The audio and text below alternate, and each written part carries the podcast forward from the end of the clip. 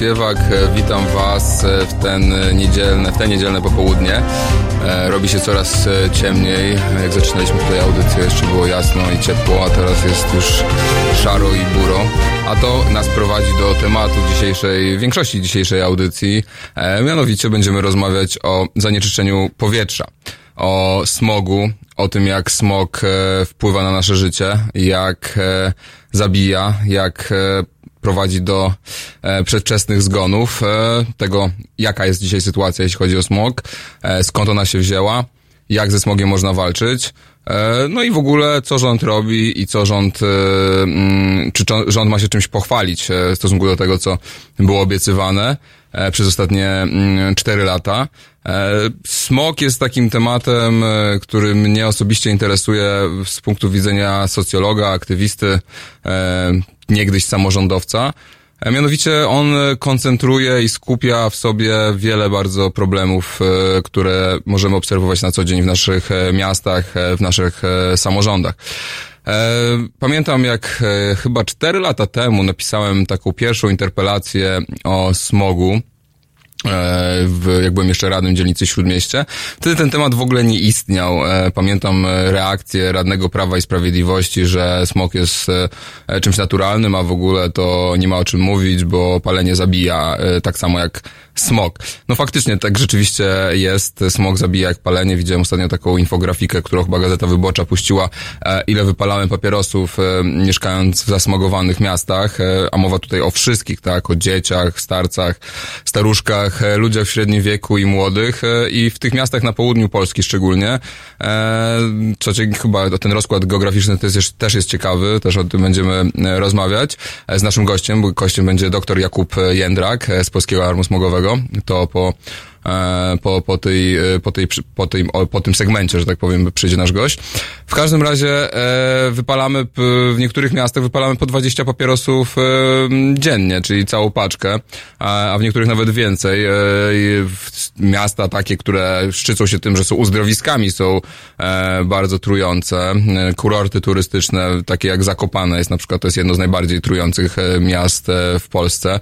E, Mamy naprawdę fatalne powietrze. Jedno, jeśli chodzi o Unię Europejską, no to pamiętam, że 8 na 10 tych e, miast w Europie, które są najbardziej zasmrogo, zasmogowane, e, jest właśnie w Polsce. Jeszcze jest e, chyba Bułgaria, gdzieś tam Rumunia, ale ogólnie to jest, e, jesteśmy naprawdę e, tutaj w ogonie i to myślę, że pokazuje pewną skalę zapaści cywilizacyjnej, która, ma, którą mamy w Polsce, która się odbywa, e, której często nie widzimy, chociaż możemy ją poczuć e, własnym nosem.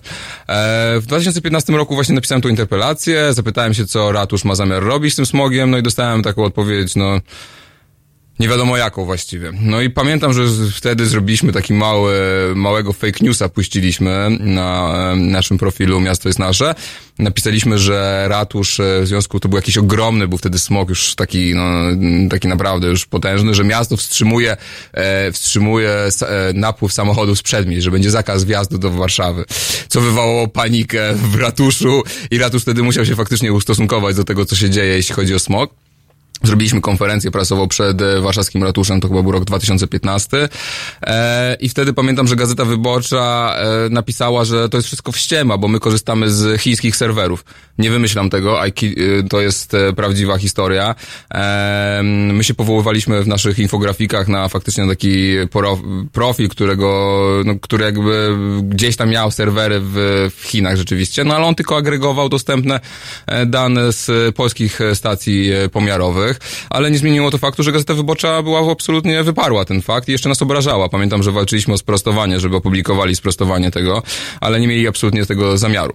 Cztery lata później e, Gazeta Wyborcza jest e, na pierwszym froncie walki ze smogiem e, i można się z tego cieszyć. No ale nie zmienia to faktu, że smog jest ogromnym problemem polskich samorządów i w polskich samorządach, no co tu dużo mówić, no w większości polskich samorządów ciągle rządzi ekipa PO, PSL i to jest ostatnie 20 lat de facto w Warszawie, to jest, no można powiedzieć, że 94 roku rządzi ten sam układ. I oczywiście można zrozumieć zanieczyszczenie powietrza w obszarach o dużym ubóstwie energetycznym, tak, gdzie ludzie mamy taką strukturę osadniczą, że jest bardzo dużo domków jednorodzinnych, ludzie palą węglem, śmieciami, bo nie mają czym innym. Taka jest przynajmniej e, narracja i wyjaśnienia. Chociaż w Warszawie, e, które jest e, miastem no, płaskim, nie jest położone w Niecce, jak chociażby Kraków czy e, Zakopane. Jest miastem, które zostało, e, gdzie sieć ciepłownicza jest bardzo dobrze rozwinięta, e, bo została zbudowana właściwie od nowa po wojnie. No to zanieczyszczenie powietrza jest czymś zaskakującym i fakt, że Warszawa jest również bardzo zasmrodzonym miastem i bardzo zanieczyszczonym, no każe nam się zastanowić, czy na pewno to jest tylko kwestia ubóstwa i kwestia pewnego braku finansów po prostu, czy to są jednak jakieś kwestie kulturowe, cywilizacyjne, E, którym e, polscy politycy nie chcą się zajmować e, z różnych powodów.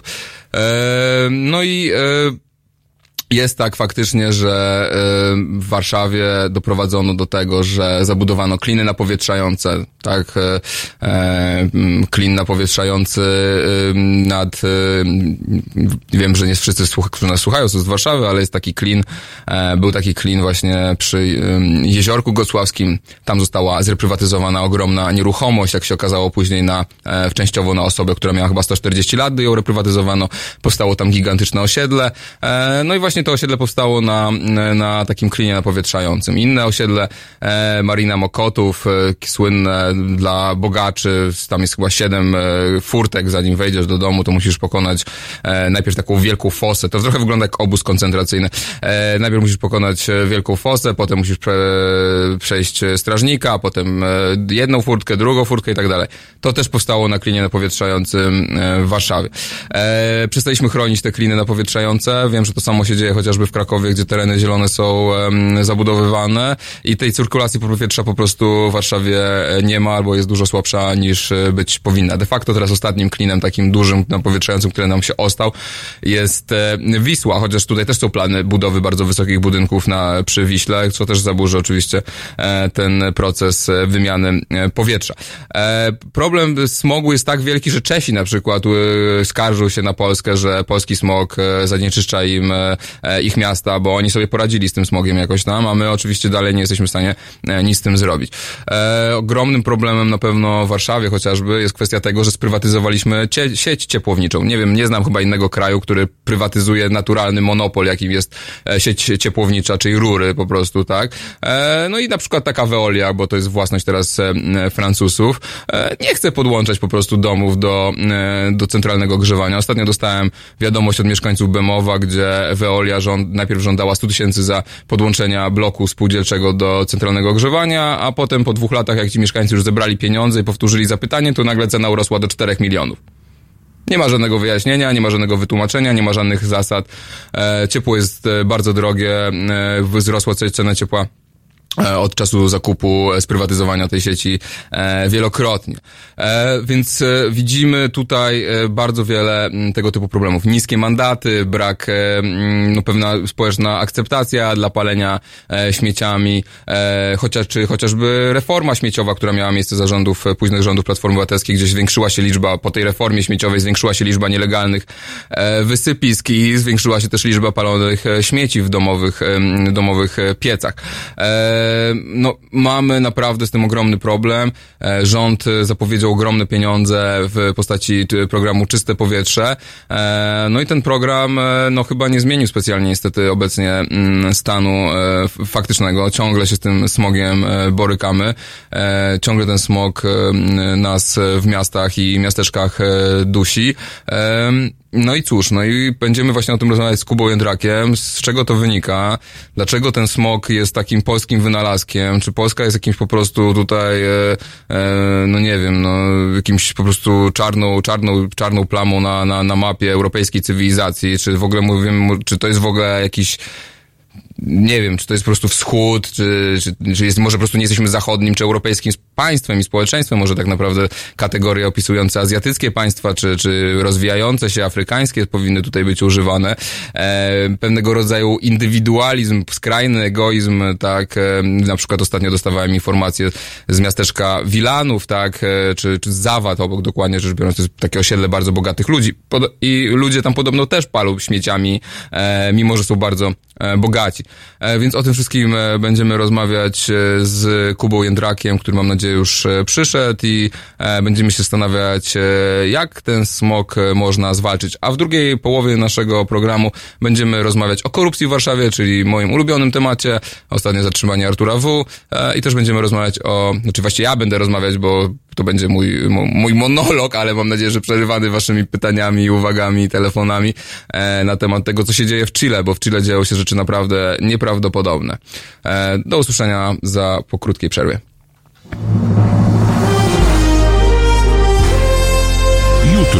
O poranku między siódmą a dziesiątą budzi Państwa Roman Kurkiewicz, który nawet gdy mówi, to dalej śpi. Halo Poranek od siódmej do dziesiątej. www.halo.radio. Słuchaj na żywo, a potem z podcastów.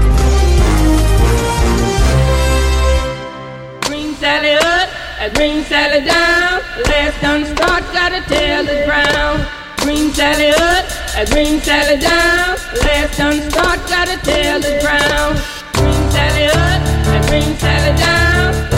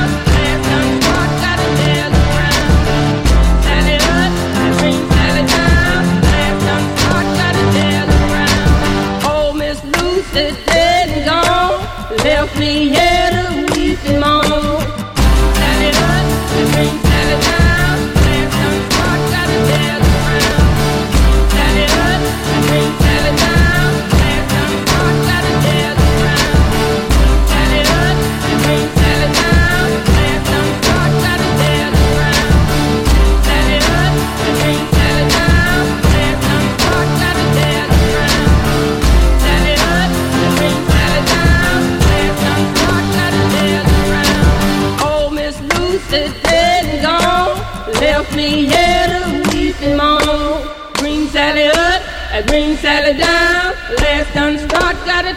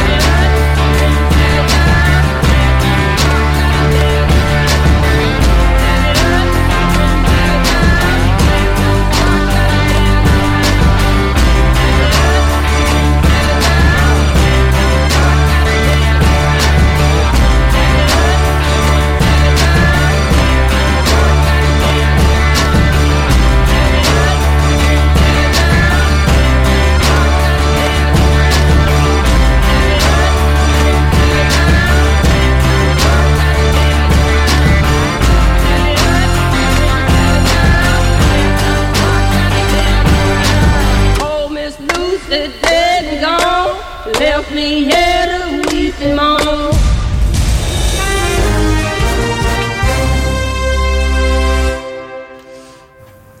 Witamy po krótkiej e, przerwie muzycznej. Jest już z nami Kuba Jędrak e, z Polskiego Alarmu Smogowego. Polski Alarm Smogowy to jest instytucja oddolna, można powiedzieć, chyba obecnie stowarzyszenie?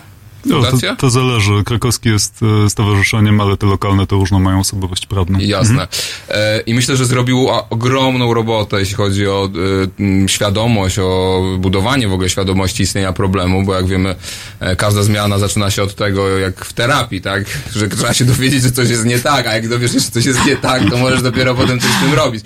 Póki jest wyparcie i e, uważanie, że wszystko jest w porządku, a tak naprawdę to ten e, zapach to tak fajnie pachnie, bo to jest, e, przypomina drewno z kominka i tak dalej, no to mamy kłopot. E, więc e, Kuba jest e, z Polskiego Alarmu Smogowego, zachęcamy do, e, do, do śledzenia profili e, Polskiego Alarmu Smogowego. Jest też, tak jak zaczęło się wszystko w Krakowie. E, Kuba, też jesteś z Krakowa. Tak, ja jestem Krakusem, ale od 6 lat zły los wygnał mnie do Warszawy mieszkam w Warszawie. E, mieszkasz w Krakowie. Powiedz... Mieszkam w e, Warszawie. mie- Tfu, mieszkasz w Krakowie. Nieważne.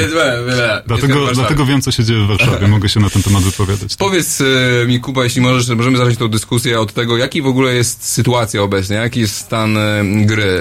E, mamy e, 40 tysięcy zgonów, tak? E, e, rozumiem, że sytuacja jest katastrofalna. To znaczy, ja bym powiedział, że sytuacja jest stabilna. Ona jest zła tak jak powiedziałeś, najpierw musimy rozpoznać, przyznać, że problem jest. I to się stało, no w Krakowie stało się już z 7 lat temu, 6. W Polsce myślę, że w 2017 jak mieliśmy duży smog w styczniu, w lutym. I wtedy dotarło do nas, jako do społeczeństwa, że ten problem jest, że on jest poważny. No i wydobyliśmy dane, które były dostępne wcześniej, że przedwcześnie co roku umiera 40 tysięcy osób. I to trzeba dobrze rozumieć tą liczbę. To znaczy, że my żyjemy krócej. Tak jak żyjemy krócej przez spalanie papierosów, y, brak aktywności fizycznej, niewłaściwą dietę, to to jest kolejny taki czynnik. Czyli żylibyśmy rok, może dwa lata, w zależności od regionu dłużej, gdyby tego zanieczyszczenia nie było. I styczeń 2017 to był wtedy, kiedy umarło po prostu nas programowo E, tam tak. kilkanaście tysięcy osób, tak? Ja przepraszam, że się uśmiecham, to jest, to jest bardzo dziwna rzecz i bo... Nie no, jak już, chyba pozostaje nam tylko śmiech w tej sytuacji, no bo w tej tragicznej sytuacji. No ja przyznam, że tak, nas wszystkich w alarmie, tak jak aktywistów klimatycznych też ratuje czarny humor, bo tutaj nie ma, w obu tych branżach nie ma, nie ma w zasadzie nic pozytywnego. Ale właśnie, no rzeczywiście zdarzyła się bardzo dziwna rzecz, bo jak porównujemy styczeń do stycznia 2016-17, to mamy nadwyżkę 11 tysięcy zgonów. Zamiast 33 z kawałkiem mamy 44 z kawałkiem. No i teraz pytanie, skąd się te zgony wzięły? Czy za wszystkie odpowiada smog? No pewnie nie, bo jeszcze moglibyśmy mieć epidemię grypy i powikłań i inne choroby zakaźne, ale wydaje się, że za dużą część tej nadwyżki odpowiada smog. To jest cała Polska i rzeczywiście stężenia w styczniu 2017 były absolutnie rekordowe. Już w obecnych czasach takie zimy i takie stężenia się rzadko zdarzają i to było, to było niesamowite. Mówimy o stężeniach wtedy? Jakie Uuu, w Rybniku, to, to jest ciężkie do stwierdzenia. Właśnie, muszę Państwu powiedzieć jedną rzecz. No, te urządzenia, które mierzą co godzinę, dają odczyty, one to są, to są pyłomierze optyczne i one znaczy one dawały jakieś odczyty, natomiast potem się jeszcze to waliduje, robi się pomiar tak, tak zwany grawimetryczny. Niestety pompy nie mogły zastać odpowiedniej ilości powietrza, bo filtry były za bardzo zapchane i nie ma pomiarów z tego czasu, ale wydaje się, że to było około półtora tysiąca mikrogramów. Najwyższe stężenia godzin na Pół dobę. tysiąca mikrogramów e, PM10. PM10, PM10, Bo musimy, tak. e, u- tutaj po, podstawowa terminologia, Kuba, E, jasne. powiedzieć. No więc my mówimy o pyle PM10, czyli tym, tym wszystkim, co się unosi w powietrzu, co jest mniejsze niż 10 mikrometrów. Częścią tego jest PM, PM2,5, czyli wszystko, co jest mniejsze niż 2,5 Tak. mikrometra. Grubość włosa to jest 70 mikrometrów, więc można sobie wyobrazić, jak małe to są drobinki. Bez y, zwracania uwagi na skład chemiczny, wielkość tych ziaren, czy to może być sadza, to może być jakiś pył mineralny wywiany z pola. Zawsze ten pył w powietrzu jest obecny, zawsze był, pochodzi z bardzo wielu źródeł, ale tutaj oczywiście w takim epizodzie smogowym, no to są głównie kominy naszych domów, w mniejszym stopniu rury wdechowe, zakłady przemysłowe. I teraz półtora tysiąca mikrogramów na metr sześcienny tego godziny. To są absolutnie rekordowe stężenia. Dobowe było 860 w Rybniku i w wielu miejscach wtedy w Polsce zostało przekroczone, przekroczony stary próg alarmowy, który wnosił 300 mikrogramów PM10 na dobę. To jest potwornie wysoko. To jest tak, że no, na zachodzie się takie stężenia nie zdarzają od dekad, a w Chinach się zdarzają i piszą o nich w Wikipedii. Naprawdę. Znaczy, Nie no, to przecież powinniśmy po prostu, my możemy zawstydzać Chińczyków, to jest No niesamowite. nie, znaczy rzeczywiście średnie roczne mają wyższe, a na przykład taki Pekin trochę oszukuje, bo oni też w lecie mają wysokie stężenia, bo im nawiewa z pustyni Gobi. Mieć tylko zimową czy to jest konkurencję. piasek, rozumiem, Tak, tak, i to się nie liczy, to jest nieuczciwe. A czy to jest prawda, że te, te, te mikro, te 2,5, e, te PM e, Mm. 2,5 to one wnikają w e, obieg krwionośny i to po prostu zabija nas e, błyskawicznie nie? No, Znaczy, to, jest, to no- jest taki mikro, to jest taki super zabójca.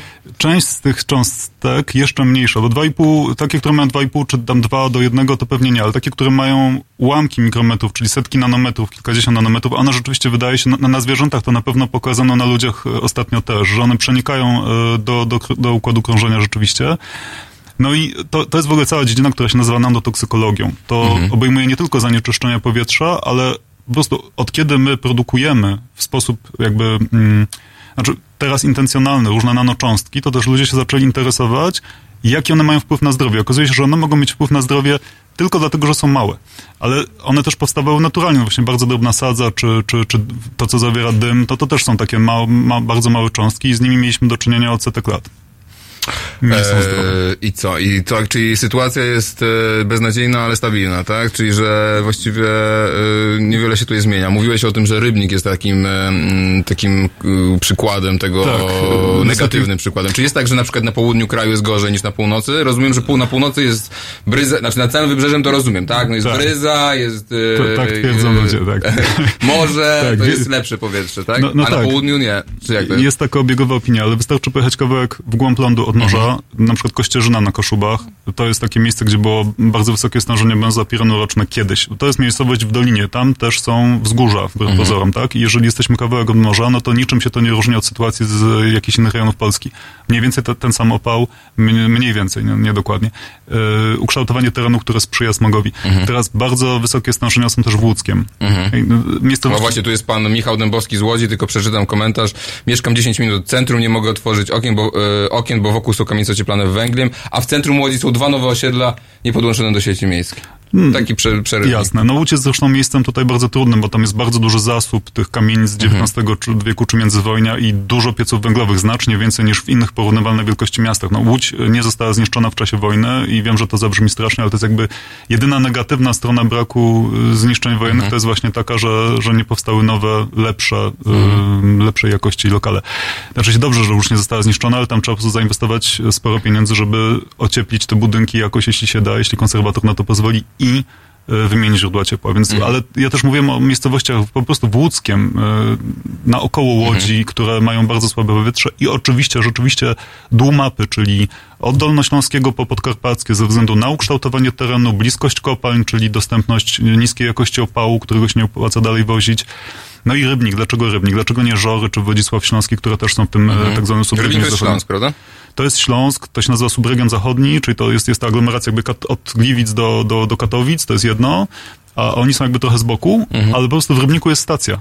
I to jest odpowiedź, dlaczego, dlaczego w Rybniku jest pomiar, a gdzie indziej nie ma pomiaru. Czyli no. zbij termometr, Tak e, jest. nie będziesz miał gorączki. To, To jest, jest ulubiony sposób chyba, tak? To jest E, najtańszy, najskuteczniejszy sposób poradzenia sobie z przekroczeniami. Ja pamiętam w Rybniku, e, słuchajcie, była akcja, że wycięli park w centrum miasta Mhm. i zbudowali e, d, d, d, Nie będziesz wymieniał firmy, ale dużą, gal- znaczy, dużą galerię handlową. Czy ale hipermarket, tak. Po co drzewa w mieście najbardziej zanieczyszczonym w Polsce? Po co? Po co? Lepiej wszyscy wyżywimy się e, ciuchami, prawda. E, e, koszmar, czyli, czyli ogólnie sytuacja, jakby mieszkać, jeśli chcesz uniknąć smogu w Polsce, no to rozumiem, że musisz mieszkać e, nad samym morzem albo czy Te, gdzie? też, też, pamiętam jakieś telefony, te telefony kiedyś w radiu, jak byliśmy z kolegą, z, z naszym rzecznikiem Piotkiem, jak zadzwoniła pani bodaj z jastarni, że sąsiad pali śmieciami, tam, tam też jest e, nieciekawie.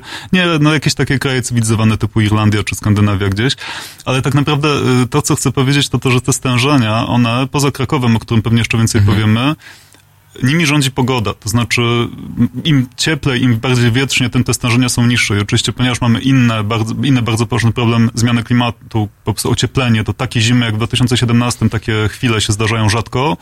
No i to może trochę poprawia sytuację, troszeczkę, ale to nie jest wynik, poza Krakowem i nielicznymi innymi miejscami, to nie jest wynik planowanych działań ludzkich, samorządu czy rządu centralnego, na razie przynajmniej. To jest wynik głównie tego, jaki wpływ ma pogoda. Mhm. Czyli e, katastrofa klimatyczna ocali nas przed smogiem. To jest rzeczywiście bardzo pozytywna, pozytywny wniosek tej części naszej rozmowy. E, Będziemy zaraz e, rozmawiać o kolejnych, kolejnych sprawach. Też chciałbym po- porozmawiać z Kubą, będziemy na pewno o, o węglu i o tym, co się pali, ale też bym chciał porozmawiać o samochodach, bo to myślę jest też e, duży, tru, duży zabójca tutaj, przynajmniej w Warszawie mam wrażenie jest to, e, tutaj jesteśmy obok Placu Unii, samo centrum i za każdym razem jak tu idę do radia, no to mam wrażenie jakbym wdychał po prostu rurę oddechowo. Ale teraz krótka e, przerwa na piosenkę e, i zwracamy po, po kilku minutkach.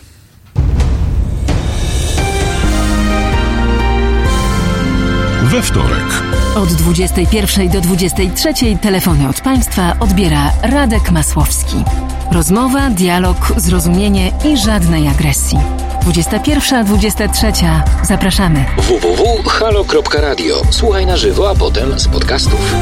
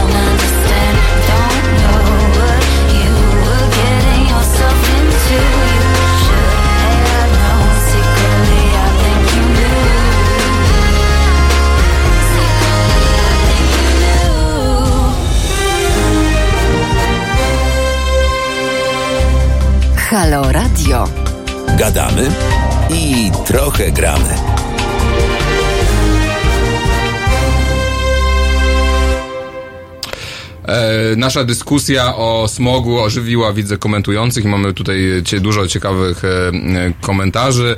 E, będziemy, przeczytam tylko kilka, nie do wszystkich oczywiście się teraz odniesiemy, ale myślę, że naprowadzą nas też na mm, dalszą, dalszą, dalszą dyskusję. W Polsce, pisze Michał Nowowski, w Polsce nie ma kontynuacji ciągłości działań kolejnych rządów. Był program Kawka wymiany pieców wprowadzony przez PO, PiS to zlikwidował, bo był program PO. Teraz będziemy rozmawiać o czystym powietrzu, o tym programie, który prowadził PiS. Eee, druga sprawa, czym jeżdżą Polacy? Szrotami z zachodu, samochodami z silnikiem diesla. Ile miast wyłączyło centra z ruchu dla samochodów, prowadziło bus pasy i budował parking, by stawić auto i przysiąść się w komunikację publiczną? Odpowiem, niewiele, chyba żadne. I może Kraków coś to robi w tym temacie. Eee, ciekawostka, wiecie, że w Polsce jeszcze 150 lat temu, pisze Hunowie, na wsiach przeważały tak zwane kurne chaty i prawie każda chłopska rodzina miała swój, swój własny smok i to w domu. Tak faktycznie mm, było. E, miasta Dolnego Śląska miały, pisze Elutek, tak zwane korytarze wentylacyjne. Nie pełnią swojej funkcji tak dobrze, ponieważ na ich terenie wybudowano osiedla i wysoka zabudowa utrudnia naturalną wentylację. Ehm, w Łodzi we wschodniej części miasta jest dobrze, pisze Michał. Tam naturalna wentylacja działa. Inna sprawa, że jest tam odczucie zimna jest większe. No, myślę, że za odczuciem zimna będziemy e, tęsknić e, coraz e, bardziej. Eee, pytanie do ciebie, Kuba. Czy zawsze było tak źle? Czy ten. Jak doszliśmy do tego stanu, że jesteśmy czarną dziurą, żeby nie powiedzieć brzydszego słowa, że jesteśmy w czarnej dziurze e, smogowej w Europie?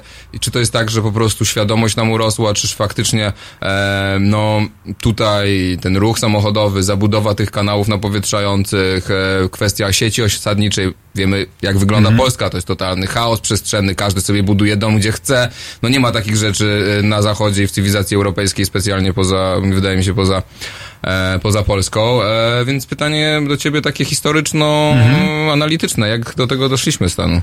No to jest bardzo ciekawe, ciekawe pytanie. Myśmy byli elementem bloku wschodniego, tak? Czyli mieliśmy taki ciężki przemysł typu sowieckiego, mieliśmy bardzo wysokie stężenia zanieczyszczeń, na przykład pyłowych czy benzopirenu w latach 70., 80.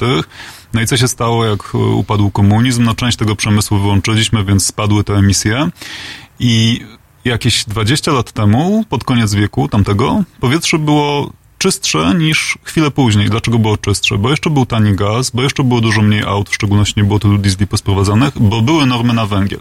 I Były normy na węgiel? były normy na węgiel sprzedawane do, do gospodarstw domowych i ten węgiel był lepszej jakości. Teraz co się dzieje w momencie, kiedy no, zaczyna się XXI wiek? Mniej więcej wtedy, kiedy wchodzimy do Unii, ale to nie ma bezpośredniego związku, może poza tymi samochodami. Yy, zostają anulowane te normy na węgiel. Poczekaj, poczekaj, poczekaj, poczekaj. Kto je anulował i kiedy? Nie wiem, chyba 2003 albo 2004, więc Czyli może... rząd y, SLD, y, SLD PSL. Chyba tak. Dziękujemy Leszkowi Millerowi. To jesteś kolejną, kolejna rzecz, którą rozwaliłeś w tym kraju. Jeszcze I- planowanie przestrzenne rozwaliłeś. Janek, wiesz co, to ty się znasz na polityce, nie? Ale to chyba było SLD, tak? Znaczy, jakby, nie wiem, czy to, to było tak, że one po prostu przestały być obligatoryjne, czyli zostały zniesione. W każdym razie to jest pierwsza rzecz. Druga to jest wzrost cen gazu. Jeszcze po drodze było tak, Mhm. że olej opałowy był tani, ale potem, ponieważ co, zdaje się, że coś z nim za bardzo kombinowano i sprzedawano go w innych e, funkcjach i rolach, to też bardzo pod, podnios, podniesiono w pewnym momencie, to już chyba było za platformy ceny oleju opałowego, więc ludzie, którzy Ale wzrost cen gazu to też jest chyba rząd SLD PSL. Ja pytałeś ten, ta słynna umowa, którą Pawlak podpisywał? Nie wiem. Być może i też nie wiem, jak wyglądały na przykład ceny gazu w stosunku do jakiejś tam siły nabywczej w, w trakcie, ale wiem, że na pewno to jest tak, że on relatywnie drożał, więc y, bardzo dużo ludzi przeszło z gazu na węgiel, tak? To jest jedna rzecz. Matko, jak to z gazu na węgiel? Ale Czy to wymaga odcięcia instalacji? Czy Nie, no to wymaga po prostu nieużywania kotła gazowego i wstawienia z powrotem do kotłowni, prawda, kotła, kotła węglowego czy wszystko palnego, więc to jest rzecz. Matko. No, niestety. I to jest tak, że mm, no plus te samochody, tak? I tutaj y, coś, taki kamyczek do ogródka, który jest ci bliski, czyli e, likwidujemy Transport publiczny. transport publiczny, tak? Celowo czy niecelowo, nieistotne. On, on na prowincji jest, Celowo, celowo. to już zostawiam, zostawiam ekspertem od tych spraw. No, w każdym razie on znika, anyway, tak? I, I to jest taki rodzaj, dla mnie to jest taki rodzaj dealu ze społeczeństwem. No dobrze, to nie macie tych PKS-ów, ale sobie kupicie tanio auto używane u zachodniego sąsiada. Nie będziemy wam za bardzo patrzyli w czasie przeglądu ani w rurę, ani w hamulce, ani w nic. Jeździcie, tak? I wiadomo, że na wsi nie da się żyć bez auta. Obecnie. Na, na, w, w Polsce, w Polsce poza dużymi aglomeracjami, gdzie jest dobry transport publiczny. No i tak to wygląda. I teraz e, te emisje z aut też mocno wzrosły. Znaczy już nie mamy co prawda benzyny ołowiowej, już nie mamy dwusuwów, ale za to mamy dużo więcej aut, mamy dużo diesli z, z zachodu. Więc pierwsza rzecz, ja tak trochę chaotycznie to wymieniam, ale to ogrzewanie naszych domów, to główny czynnik tego zimowego smogu, dwa to samochody, a trzy też, że jeśli chodzi o emisję z zakładów przemysłowych, to też jest trochę w takim duchu, że no rozwijamy się, gospodarka się rozwija i dobrze by było, żeby środowisko, ochrona środowiska nie przeszkadzała rozwojowi gospodarczemu. I to jest taki ogólny duch, który sprawił, że no do dzisiaj w miejscowościach takich jak Skawina, Mielec, tam Żary, Szczecinek, Oświęcim, Kędzierzyn-Koźle jest problem z emisjami z zakładów przemysłowych. Ale to są chyba takie zakłady przemysłowe w stylu produkcja butów, tak? Czy co to jest? Czy Mm, sklejki jakieś, tak? Tak, To są takie, bym powiedział, nie jest to Nie są, przemysł. Znaczy nie, są to, nie jest to przemysł ciężki, chociaż z nim ciągle też są problemy. Huta Katowice, która jak Państwo pewnie wiecie, znajduje się w Dąbrowie Górniczej i daje w kość mocno ludziom. Tak samo huta w Krakowie Ale to nie jest tak, że one musi spełniać jakieś tam normy, czy też, że te duże zakłady powinny no coś być... tam e, musi, ale czasem ma zdarzenia awaryjne, coś się pali, a to taśmociąg, a to pożary Aha. jakieś w koksowych, w bateriach koksowniczych coś się tam pali, więc te emisje są. Zresztą to widać gołym okiem. No, zupełnie inaczej wygląda dym z komina elektrowni, inaczej wygląda dym z nadhuty, jak się jedzie przed pociągiem koło Krakowa. No nieważne, w każdym razie przemysł dalej w wielu miejscach jest problemem i tylko osoby, które mieszkają w tych miejscowościach zdają sobie sprawę. Tak, właśnie na przykład płyty biurowe, albo zakłady chemiczne, albo coś takiego nieoczywistego. To, to może być... Czyli naprawdę- wykańcza nas po prostu dziki kapitalizm w wersji nadwiślańskiej, proszę Państwa, to jest po prostu polski wymysł, ten kapitalizm, znaczy polsko-amerykański, No, no, nie, no, Rumunia, Bułgaria mają znacząco lepiej, nie przesadzajmy. Znaczy, tutaj w Unii rzeczywiście razem z Bułgarią mam naj, najwyższe stężenia zanieczyszczeń powietrza. Rumunia też pewnie, tak, czymś jesteśmy dobrzy, ale już na przykład takiej Macedonii czy Bośni i Hercegowinie potrafi być ciut gorzej, ale oni są poza Unią, więc ich statystyki unijne Aha. nie obejmują. No okej, ale na przykład y, taci, tacy Czesi, ja słyszałem, że Czesi się skarżą na polski smog, na przykład na granicy, czy jak to, a to są kraje jednak, można powiedzieć, no, porównywalnie Podobne. bogate, bo podobnie kształtowany teren, a jednak tam ten problem jakoś jest znacząco mniejszy, albo wręcz, żeby powiedzieć, że No, wręcz go nie ma. Tak, i oni oczywiście też ten problem mieli, tam y, Zagłębie, to, to co jest przedłużeniem naszego Śląska, czyli Ostrawa, tam, tam też Tak. są potężne, potężne stężenia, jest przemysł, jest, jest węgiel, ale oni to dużo lepiej rozwiązali. Oni zrobili to, co my dopiero zaczynamy, czyli wprowadzili normy na urządzenia grzewcze, mają normy na węgiel, nie wolno spalać, nie wiem, na przykład węgla brunatnego w y, gospodarstwach domowych. U nas te regulacje są sukcesywnie przez ostatnie dwa lata wprowadzane, to się nazywa uchwały antysmogowe Mhm. i w połowie Polski obowiązują, tylko mają pewien horyzont czasowy, więc teraz jest czas na wymianę kotłów dla mieszkańców i tam w różnych miejscach i dla różnych urządzeń to horyzont jest 2023, 2028, kiedy trzeba, do tego czasu trzeba wymienić swój kocioł. Ale można wymienić na przykład węglowy na inny węglowy, tylko lepszy, czystszy, w sensie emitujący mniej tych składników smogu. No, ale jak to, jak, czy, jak to było, że w Polsce można było sprzedawać te najgorsze kopciuchy przez 25 lat? e, No tak było.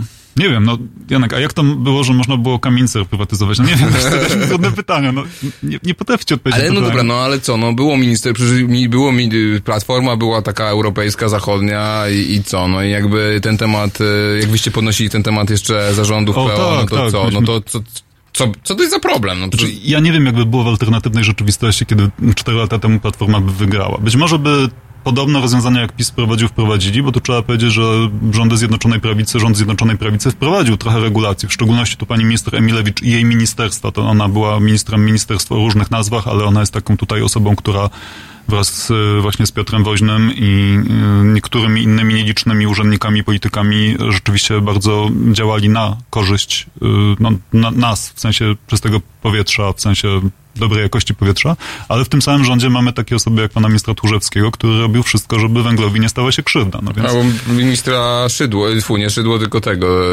Szyszko, świętej pamięci. świętej już, pamięci, to już e, może zostawmy pana ministra, bo on już jest na No, sądzie ale ty, ostatecznie. jakby, no myślę, że tutaj dalej wycinki w lasach państwowych, prawda, i traktowanie naszych lasów jako po prostu biomasy do spalenia, e, tak, czy do sprzeda sprzedania na meble w Szwecji, myślę, że dalej. Ach, tak, naszych upraw drzew raczej. No, E, no bo też mieliśmy, prawda, Lex Szyszko, które wycięło te Mieliśmy, wszystkie no. drzewa. Jednak o tych drzewach będziemy też rozmawiać, e, myślę, że e, po, po przerwie, e, ale jeszcze takie e, pytanie, czyli, czyli sytuacja jest zła, sytuacja geograficznie jest mniej więcej rozłożona e, i myślę, że podsumowanie takie właśnie tutaj mój komentarz jest taki, że no to jest ten efekt tego skrajnego, ja bym to nazwał anarchokapitalizmu, tak? My żyjemy w anarchizmie de facto kapitalistycznym i e, wycofanie się państwa, tak jak e, Kuba mówił, z zapewniania usług publicznych, z kwestii dostarczania taniego surowca, takiego, który nie emituje tyle, tyle smogu jak, jak gaz, no to wszystko powoduje jakby przerzucenie ryzyka i odpowiedzialności na jednostkę,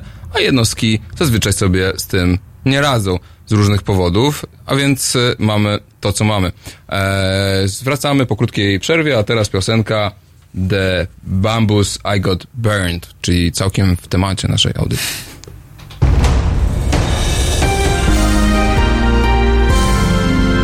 we wtorek. Między 19 a 21 reżyser i aktywista obywatelski Bart Staszewski oraz cała gama tematów pod hasłem Prawa osób LGBT.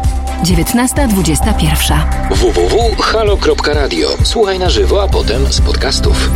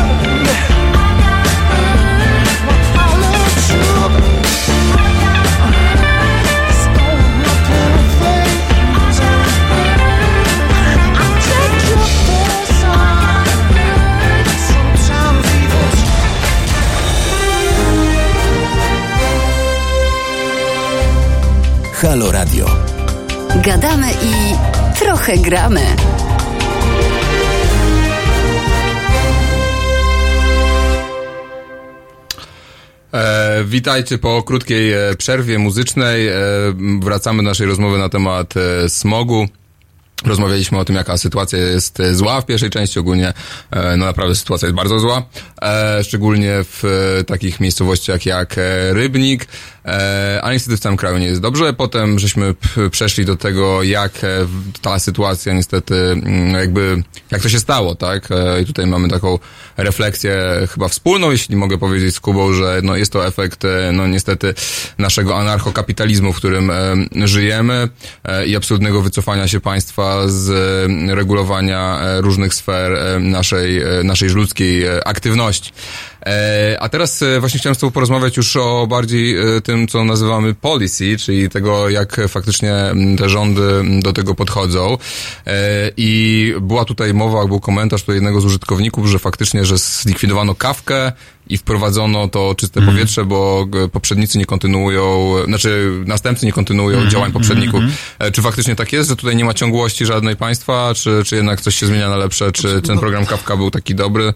I na czym w ogóle on polegał, może powiedz? No mniej więcej na tym, co czyste powietrze, to znaczy zachęcanie ludzi, którzy mają stare kotły węglowe, stare piece i podobne paleniska, żeby je wymieniali na nowe. Tylko tak, y, skala tej kawki była znacznie mniejsza niż czystego powietrza.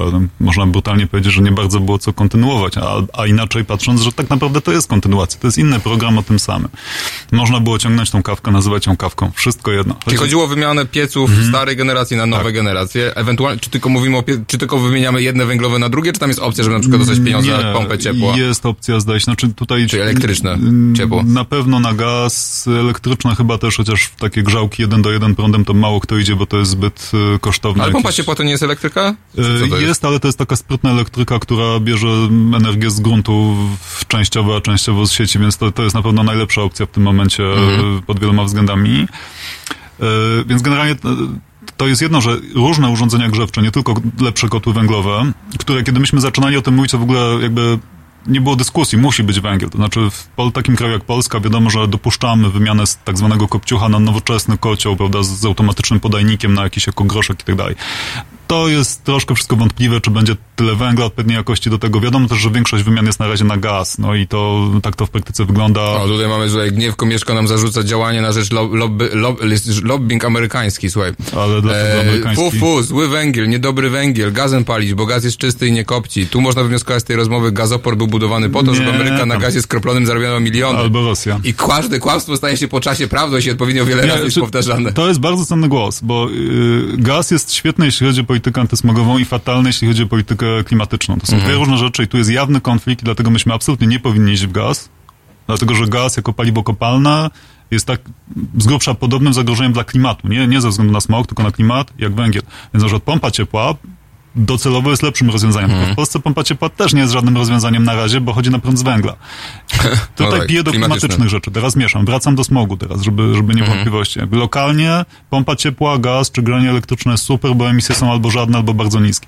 No dobra, a wracając do tego czystego powietrza. To jest tak, że właśnie po tej zimie 2017 premier Morawiecki powiedział w jednym ze swoich ekspoze, że smog to jest bardzo poważny problem i rzeczywiście rząd tutaj na poziomie deklaratywnym się za to zabrał. Obiecał potężne pieniądze, rzędu 100 miliardów na 10 lat. To jest znacząco więcej niż kawka.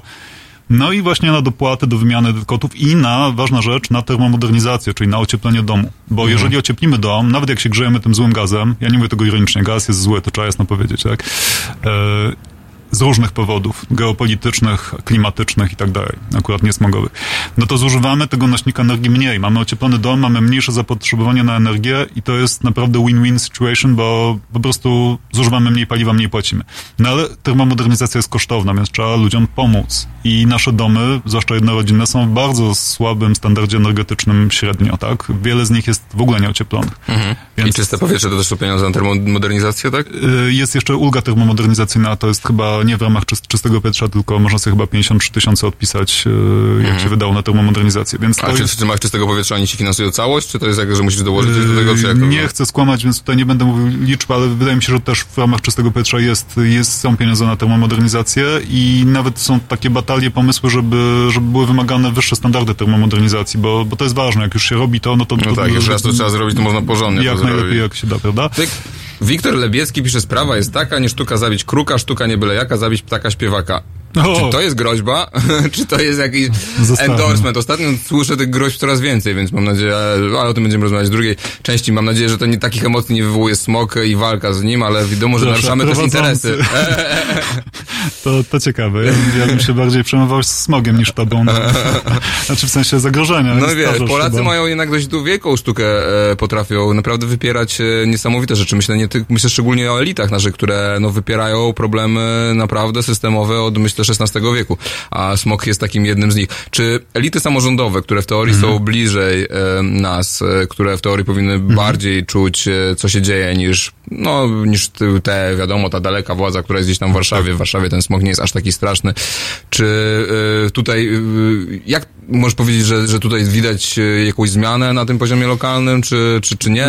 I, i oczywiście będę, będę cię pytało zaraz o, o Tak. Kraków co się wydarzyło w Krakowie, ale, ale jak, jak ty to widzisz jako, jako aktywista smogowy, No, antysmogowy? To oczywiście bardzo zależy od miejsca i ten rybnik, który wymienialiśmy wcześniej jako zły przykład, gdzie miejsce, gdzie powietrze jest bardzo brudne, jest też dobrym przykładem tego, że samorząd, tam akurat Perowski, robi rzeczywiście sporo, przynajmniej tyle, ile może. Na przykład skasowano festiwal muzyczny, a pieniądze z tego festiwalu poszły na wymianę kotów. No, brutalna sprawa, prawda? Tniemy kulturę, ale mamy potrzeby bardziej, bardziej przyziemne, bardziej życiowe.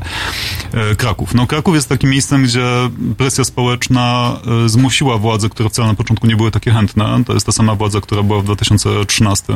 Czyli Jacek Majchrowski z Platformą i z SLD.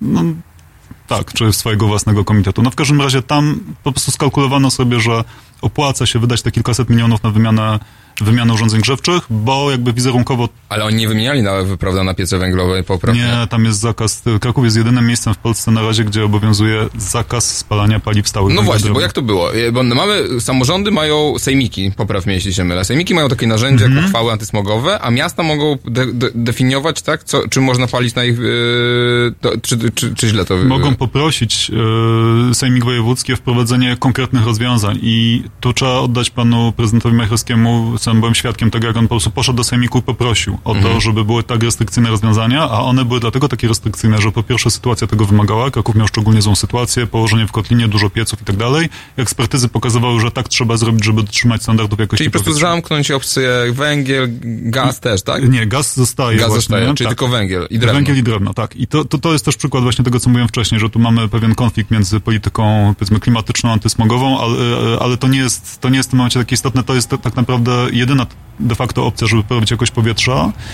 I na, najlepiej byłoby oczywiście wymienić na ciepło sieciowe, jak się da, czyli podciągnąć e, ciepło miejskie z elektrociepłowni, które oczywiście też są na węgiel, ale spalane zupełnie inaczej w e, zawodowej energetyce.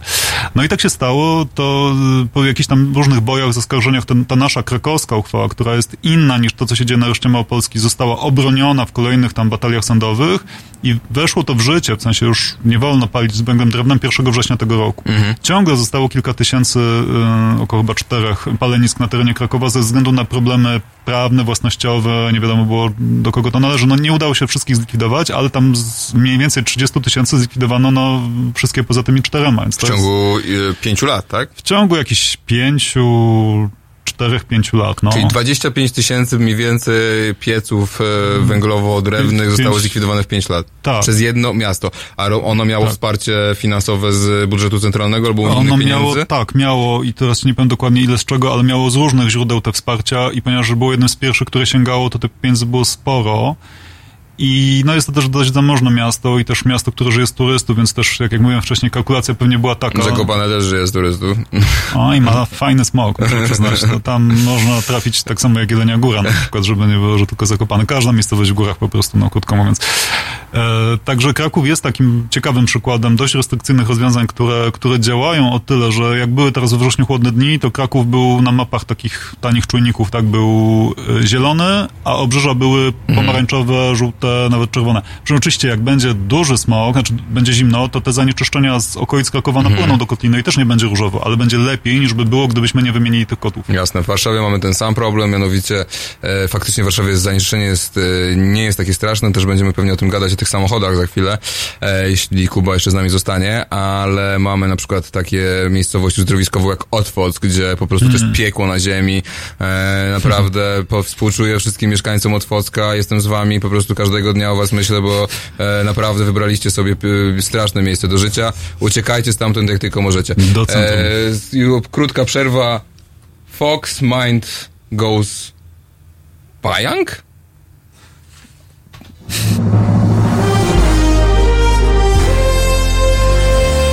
Środę Od 7 do 10 o kawę, informacje niekoniecznie straszne i dobry humor zadba Marika Krajniewska, która o polityce wie niewiele, ale liczy na Państwa. 7.10. www.halo.radio. Słuchaj na żywo, a potem z podcastów.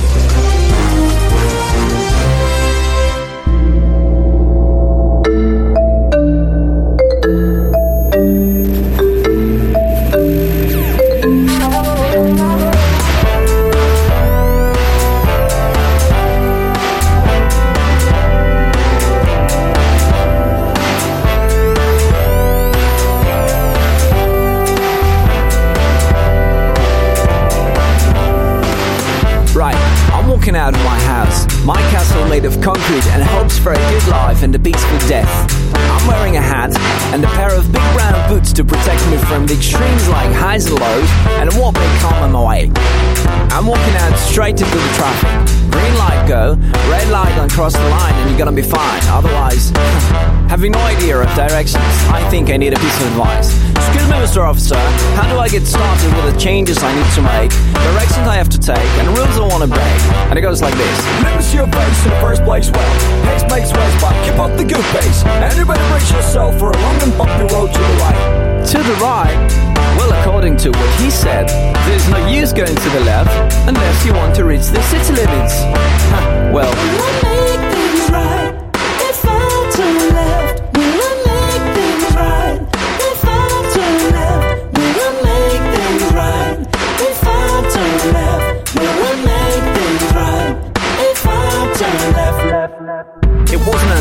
few minutes later, and a couple of miles further, that I ran across an old barking dog right on the verge of the forest. Excuse me, Mr. Dog, since you're part of the species born in the woods, can you please show me the way out of the forest if I decide to penetrate it? I'm a dog and I tell no lies. Where you go and you get your prize. I'm a dog and I tell no lies.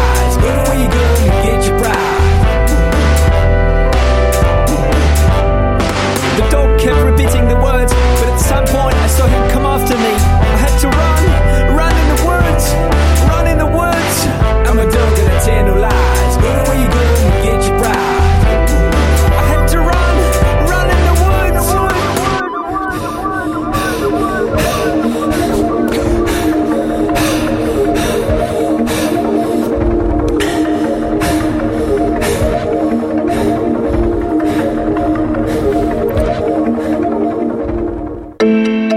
forest inside seemed much brighter and much more peaceful than I thought it might be. It was so vast and intricate in its nature.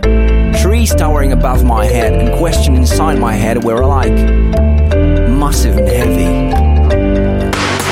Here at the center of things, I managed to get a full understanding of my trip. Now I know, don't let no one lead you astray.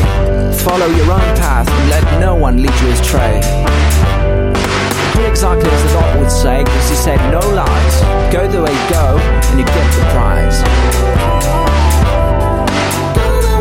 Now I know, don't let anyone lead you astray.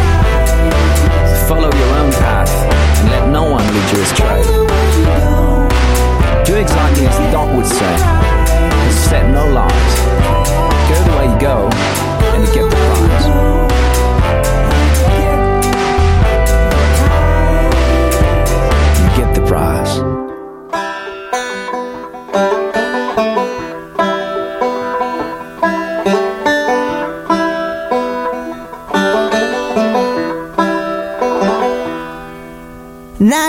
Szczęście ty znasz już koniec mej historii, którą opowiem.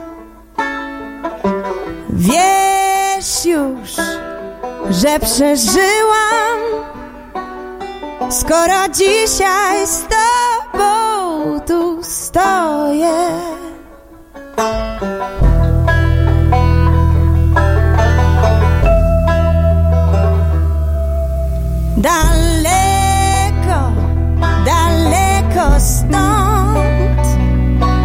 gdzie słońce i kwiaty są wieczne.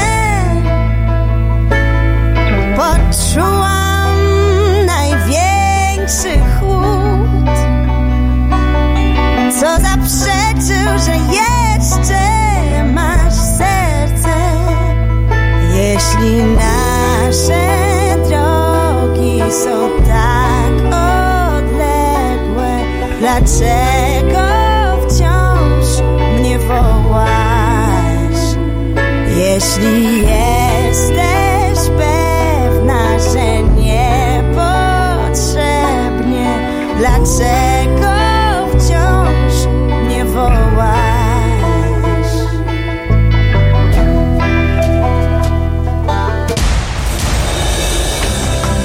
Smog, smog, smog. Tak, rozmawiamy o smogu, będziemy jeszcze rozmawiać chwilę o smogu, póki Kuba ma cierpliwość, a na tym smogu zjadł zęby, połamał zęby, można powiedzieć. Tutaj widzę komentarze na naszym, na naszym YouTubie, że smog nikogo nie zabił. No tak, smog nikogo nie zabił, tak jak papierosy nikogo nie zabiły, ale nie zmienia to faktu, że smog jest śmiertelny. Pamiętajmy o tym, 40 tysięcy przedwczesnych zgonów, miliardy złotych strat dla budżetu państwa, e, ogromne, ogromne pieniądze i ludzie, którzy mogliby pewnie dożyć sobie spokojnie 70, 80, ale niestety e, z różne choroby, rozumiem tutaj układu oddechowego przede wszystkim, tak? I krwionośnego. To są te powody, które smog zabija. Mówiliśmy o e, PM2,5, to są te najmniejszej wielkości jednostki smogowe, e, tych 2,5 mikrometra, mikro... Mikrometra mikrometra. One, Mhm. słuchajcie, dostają się bezpośrednio do waszego e, krążenia, do waszego układu krwionośnego i tam powoli doprowadzają do zatorów, zatorów, tak? Takich innych Oj, rzeczy? to możemy o tym porozmawiać. To jest, to jest skomplikowana sprawa. W każdym razie, no, wywołują stan zapalny najpierw w płucach, który się przenosi na resztę organizmu. To, to jest tak, że to jest kolejny, tak jak mówiłem wcześniej, kolejny czynnik niezdrowy. Jeżeli ktoś pali papierosy, to zachęcałbym do rzucenia palenia papierosów, a potem martwienia ja. się smogiem. Właśnie.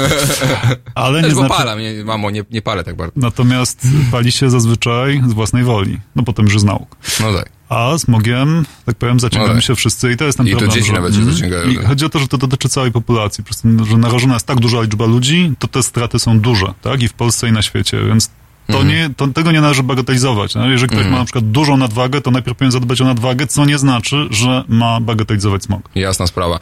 E, słuchaj, my, chciałem właśnie pogadać e, o, trochę jeszcze o m, tych em, samochodach, bo mi się Mhm. wydaje, że to jest coś, co jest e, często, m, często, często zapominane. Oczywiście mamy ogromny problem z zanieczyszczeniem powietrza pochodzącym właśnie z palenia węglem, śmieciami, drewnem i tak dalej. E, I to jest e, problem ogólnopolski, ale na pewno też ogólnym polskim problemem jest, e, no właśnie samochody, które Tak, zdecydowanie tak. generują i, e, i czytałem taki raport i czasem go wrzucam nawet do internetu, Niku, z już przed paru lat, e, o tym, że w Warszawie samochody generują ponad dwie trzecie smogu i za każdym razem jest po prostu nie, co wy mówicie, to nieprawda, przyszłym latem nie ma smogu, y, ale przyszłym latem są samochody, no i tak dalej, i tak dalej. No i jakby... Bardzo dobrze, że o tym wspomniałeś, te, te liczby właśnie, bo e, to jest pewne uproszczenie, bo tam jest, my mówimy smog, tak, to jest, to jest tak naprawdę pewne zjawisko, a teraz się mówi smog w ogóle na zanieczyszczenia powietrza, ale one są różne, mówiliśmy o pyłach, ale są też tlenki azotu, w szczególności dwutlenek azotu, tak. Pyły też są różne, jedne są mniejsze, drugie są większe, mamy pył z rury wydechowej, mamy pył ze ścierania opon, tak, czy klocków. Więc e, jeśli chodzi o tą masę pyłu, te stężenia takie rekordowe, to na pewno piece tutaj są bezkonkurencyjne, Mhm. jeszcze jest odpowiednia pogoda, co nie znaczy, że samochody nie są problemem i to widać w krajach Europy Zachodniej, Mhm. gdzie nie ma w wielu miejscach nis- tej tak zwanej niskiej emisji, czy niskich kominów, czy nie ma ogrzewania, a są samochody. I tam większość zanieczyszczeń generują samochody, motoryzacja i widać wyraźnie, jaki to ma wpływ na zdrowie. Co więcej, widać nawet, jak się patrzy nie na stężenia, tylko na odległość mieszkania od ulic. I to nie jest wpływ hałasu, a w każdym razie na pewno nie tylko hałasu, tylko właśnie tego, że im bliżej ulicy ruchliwej, odpowiednim natężeniu ruchu, tym większe są stężenia zanieczyszczeń, bardzo drobnych pyłów, tlenków azotu, które mają wpływ na zdrowie. Właśnie silniki generują te najdrobnospalinowe, w tej chwili już benzynowe też, ale głównie diesle, tak? Generują te najmniejsze nanocząstki sadzy, które Mhm. są, no, w ogóle spaliny silników diesla są rakotwórcze. To jest... A dlaczego akurat diesla, a nie, e, zwykłe benzynowe są lepsze? E, Starsze tak, ale te z bezpośrednim wtruskiem też zaczęły. Wszystko robią lepiej, ale akurat emitują małe, małe cząstki pyłu kosztem tam innych, e, innych zanieczyszczeń. Więc e, no generalnie diesle do tej pory i ciągle jeszcze były uważane za gorsze. Benzyniaki lepsze, czy LPG, prawda, jako czystsze z punktu widzenia smogu. Ta drobna sadza, którą właśnie one emitują, to jest coś, co jest Z najbardziej... rur wydechowych. Tak, z Ale do tego jeszcze mamy klocki e, Tak, i opony. e, hamulcowe i opony, nie? I to, co się znajduje na jezdni, co jest unoszone. Z tym, że no, spaliny jako mieszanina silników diesla zostały, tak jak powiedziałem wcześniej, uznane za czynnik rakotwórczy Mhm. w 2012. No właśnie dlatego, że ta sadza zawiera wiele substancji kancerogennych. Zresztą sadza z komina domowego również, tak? I, i to też jest... jest Mhm. A mówisz, jest, jest e, jakaś, e, nie wiem, no mówiłeś o tym, że im bliżej mieszka się ulicy, Mhm. tym ma się gorsze, czy wysokość, na przykład jak mieszkam na dziesiątym piętrze, to jest będzie dla mnie lepiej? Tak, zdaje się, że tak. Tak samo nawet jak mamy taką zabudowę jak na przykład w Warszawie czy w innych miastach, że mamy dość zwartą, to czy masz okno od podwórka, czy masz okno od ulicy, to też ma znaczenie. To nawet ludzie... Mhm. A jest jakaś e, e, odległość, od której najlepiej nie mieszkać przy W ulicy? zależności od natężenia ruchu i tego, co jeździ po tej ulicy, ale tak, taki wpływ e, zauważalny w tych badaniach to różnie, ale tak powiedzmy powyżej 100 metrów to już, e, to już jest lepiej. No, ale 100 metrów, no błagam, no ale kto mieszka 100 No, metrów no, od w ulicy, no. Rzeczywiście, znaczy niezależnie od tego, co mówi raport jakie to są zanieczyszczenia, jakie to są liczby, ja bym się do tych liczb w ogóle nie Mhm. przywiązywał, nie kłóciłbym się, czy to jest dwie trzecie, czy jedna dziesiąta. Mhm. Wpływ jest bardzo duży, zwłaszcza w Polsce, kiedy się wycina z samochodów z silnikiem diesla filtry cząstek No stałych, tak zwane. DPF. Czyli sytuacja jest taka, że stężenia tlenków azotu są niższe w Polsce niż w wielu miejscach na zachodzie, a to też źródłem tych tlenków azotu są głównie silniki diesla, ale tam się nie wycina tak bardzo filtrów DPF, więc tam leci mniej tego pyłu z ruchu, prawda? I te tlenki azotu to jest taki marker, taki znacznik, że jeżeli jest ich dużo, to znaczy, że jest duże natężenie ruchu, dużo spalin samochodowych. To jest w mieście główne źródło, tak? A elektrownia też, ale ona wysoko rozprasza te, te Tak. zanieczyszczenia, to się nie liczy.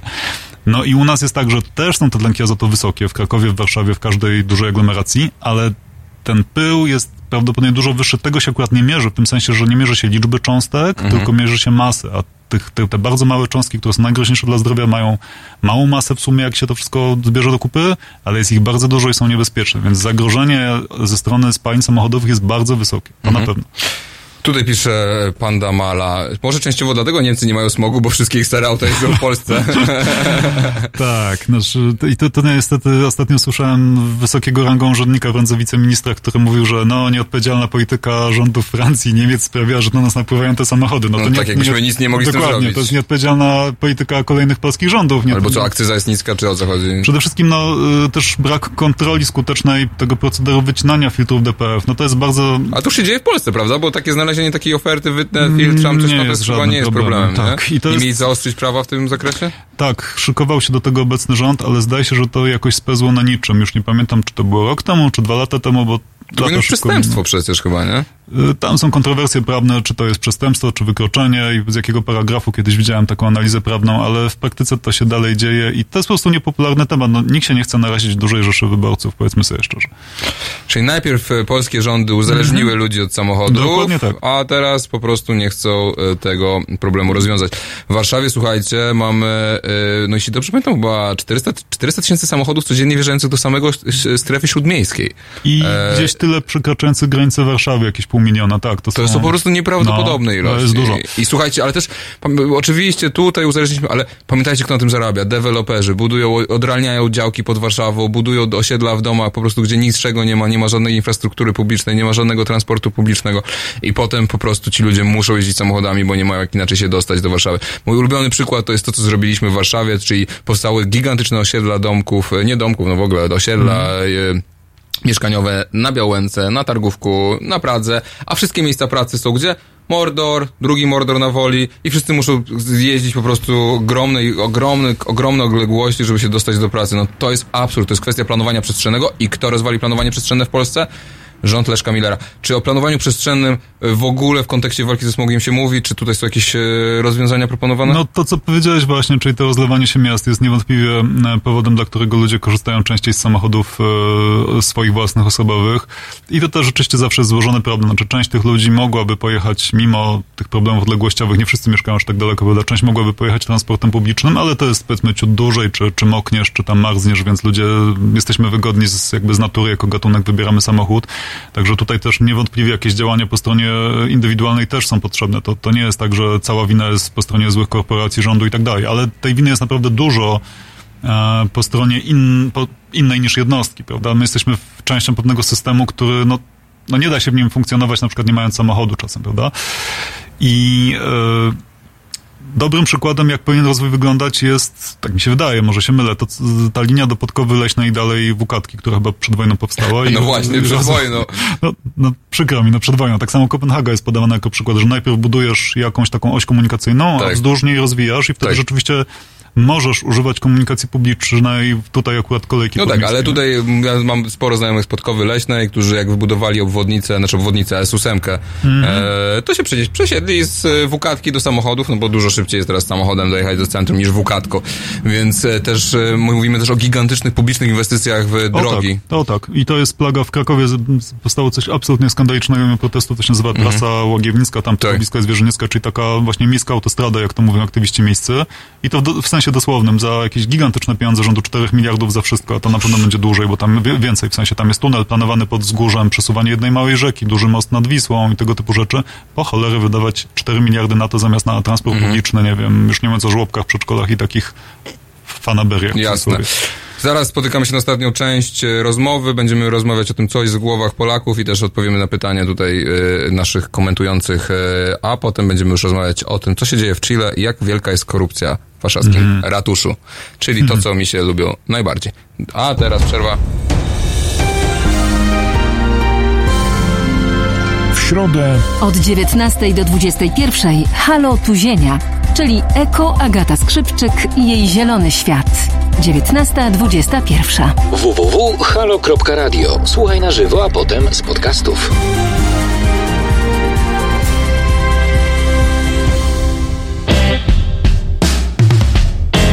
Tak mi się nie chce, tak bardzo nie chcę, lecz kiedyś jeszcze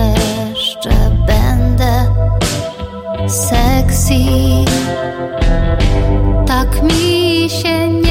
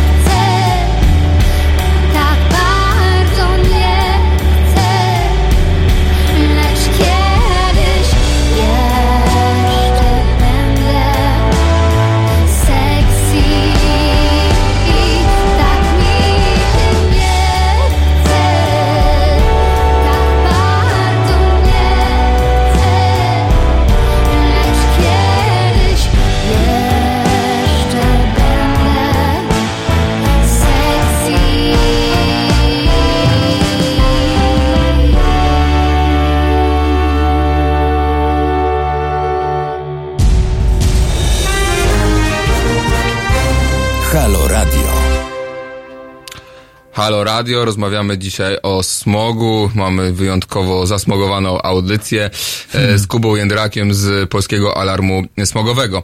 E, tutaj kilka komentarzy.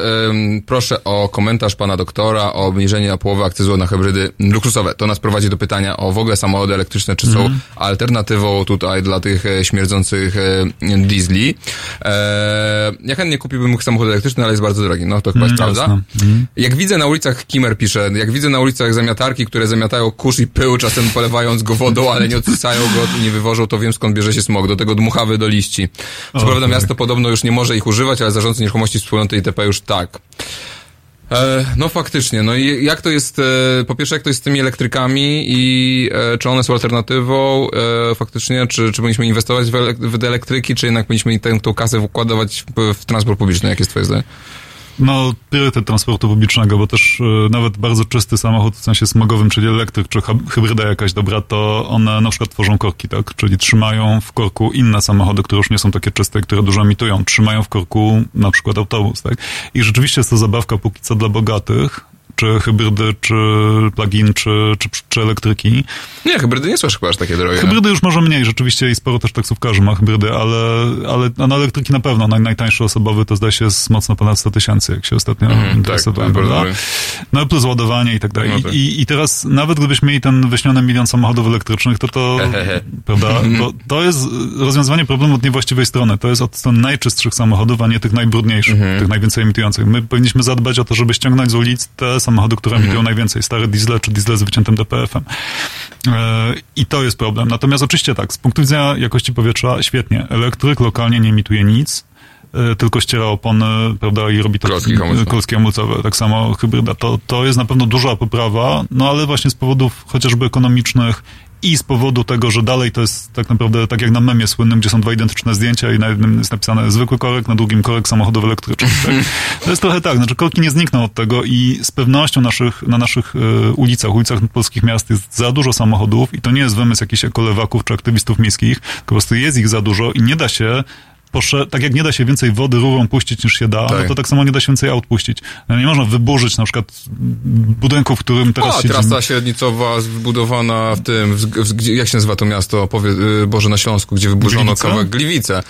To jest, No to dobra, mój czasem ulubiony, o, mój ulubiony, on chyba został teraz senatorem, ten prezydent Gliwic, tak? E, wielka nadzieja e, Koalicji Obywatelskiej, który wyburzył, słuchajcie, w centrum miasta XIX-wieczne kamienice, żeby bo puścić środkiem tego miasta autostradę. Autostradę, która jeszcze w dodatku dubluje autostradę e, Katowice-Kraków. Więc po prostu Dobra, bingo. czasem się da, czasem się da, zgadzam się z tobą, natomiast to, to jest zmierzanie do modelu z metropolii amerykańskich. To, to jest droga donikąd. I to z wiadomo. lat 70. bym I to z powiedział, lat 70. nie? właśnie. 60. tak. Więc y, tak, elektryki fajnie, tylko żeby to były, czy, czy hybrydy, żeby to były taksówki, czy jakieś y, auta jeżdżące przede wszystkim z, z szrot musimy zdjąć z ulic. A Szrot musimy mi, zdjąć z ulic, tak. A powiedz mi, jeśli chodzi o to polewanie ulic y, i bo, bo ja, ja, to brzmi trochę jak anegdota, ale moja na przykład mama, czy, czy w ogóle ludzie, którzy no, pamiętają PRL, Mhm. ja tego PRL-u nie pamiętam, mówią, że z, z, z, zmywanie ulic było codziennością, a teraz faktycznie no, nie widać w ogóle tych ludzi, nie widać tych zm, urz, urządzeń, ani tych samochodów, Mhm. ani że w ogóle się tego nie używa. Czy to jest jakaś, y,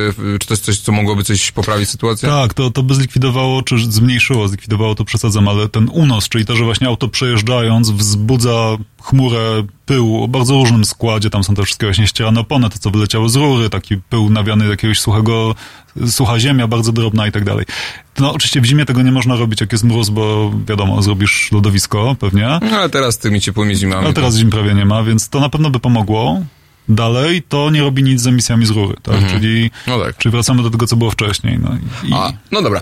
A słuchaj, teraz jakby ten koniec, czyli to, co jakby jest najbardziej uznaniowe i tak naprawdę ciężko, ale no właśnie tak jak mówiłem na początku naszej audycji, że dostaję wiadomość od takiej mieszkańcy, mieszkanki e, Zawa, to jest część Wilanowa, bardzo zamożna część, tam Mhm. mieszka na przykład, mieszkał Oleks, y, no ogólnie dużo, dużo różnych notabli Mhm. i tak dalej. I ona mi wysyła regularnie, e, no, że tak powiem, e, screeny z jej czujnika. W ogóle o tych czujnikach powinniśmy porozmawiać, ale nie wiem, czy już zdążymy, chyba dzisiaj to już wszystkiego się nie da, ale i, i tam w tym osiedlu, tym drogi, no mieszka tam Mhm. klasa średnia i wyższa. I palą z syfem.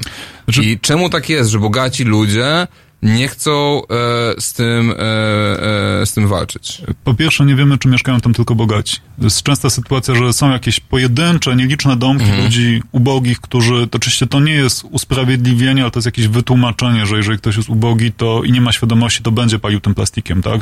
Ja znam osobiście sytuację z Krakowa, gdzie kobiecie ukradli węgiel z piwnicy, ona paliła plastikiem, tak? Po prostu nie miała, miała zim, węgiel na zimę, po czym on zniknął Mhm. w październiku, no i dramatyczna sytuacja, prawda?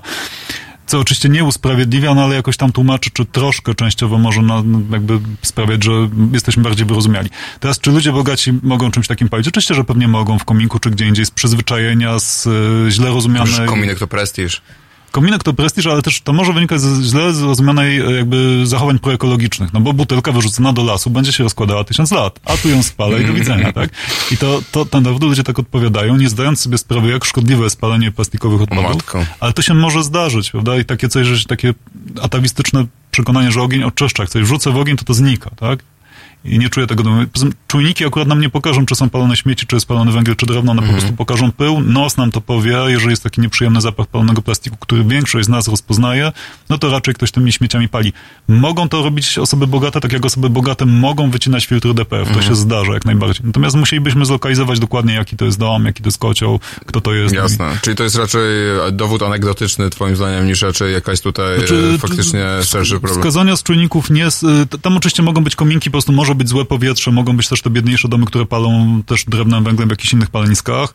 Może być tak, że ludzie palą plastikiem, to może być wyczuwalne, absolutnie tego nie neguję, natomiast to, m, tak, to jest taki trochę dowód anegdotyczny, trzeba by zobaczyć o tym, że zawady są zanieczyszczone, tak jak Wilanów, na przykład okolice ulicy Husarii, czy tam, gdzie są, nie wiem, ambasada Filipin, tam, tam kiedyś byłem, tam, tam rzeczywiście powietrze jest brudne i, i śmierdzi. No, No ciekawe, bo to jest nad Wisłą w ogóle, nie? No to wiele nie zmienia, nawet czasem też żartuję, że tą Wisłą to tak zaciąga, to jest taki korytarz przejrzony, który zaciąga właśnie z okolicy Otwocka. O matko, a ja właśnie mówiłem na samym początku tej audycji, że ta Wisła to jest nasz ostatni kanał napowietrzający, a tak naprawdę to jest kanał zasypiający, tak? Zależy, Może być, zależy, zależy kiedy. Podobno może, tak, tak, no bo Otwock rzeczywiście jest bardzo zanieczyszczony. O i tak matko, o matko. No dobrze, a powiedz mi, gdzie mamy szukać informacji na temat smogu i gdzie, jakie ty strony polecasz i w ogóle Mhm. co ty polecasz zrobić, jeśli e, ludzie chcą, by chcieliby, nie wiem, was wesprzeć albo, nie wiem, no coś zaangażować. E, Ja bym zrobił reklamę czemuś innemu. Portal smoklab.pl, na którym mi się zdarza od czasu do czasu pisać, który założył, został założony przez krakowski alarm smogowy. Tam piszemy o smogu, zmianie klimatu, różnych, różnych tematach takich gorących, więc jakby ktoś miał czas, to będziemy zaszczyceni, jeśli nas odwiedzi. Jeśli chodzi o... Smoglab.pl. Smoglab.pl, tak.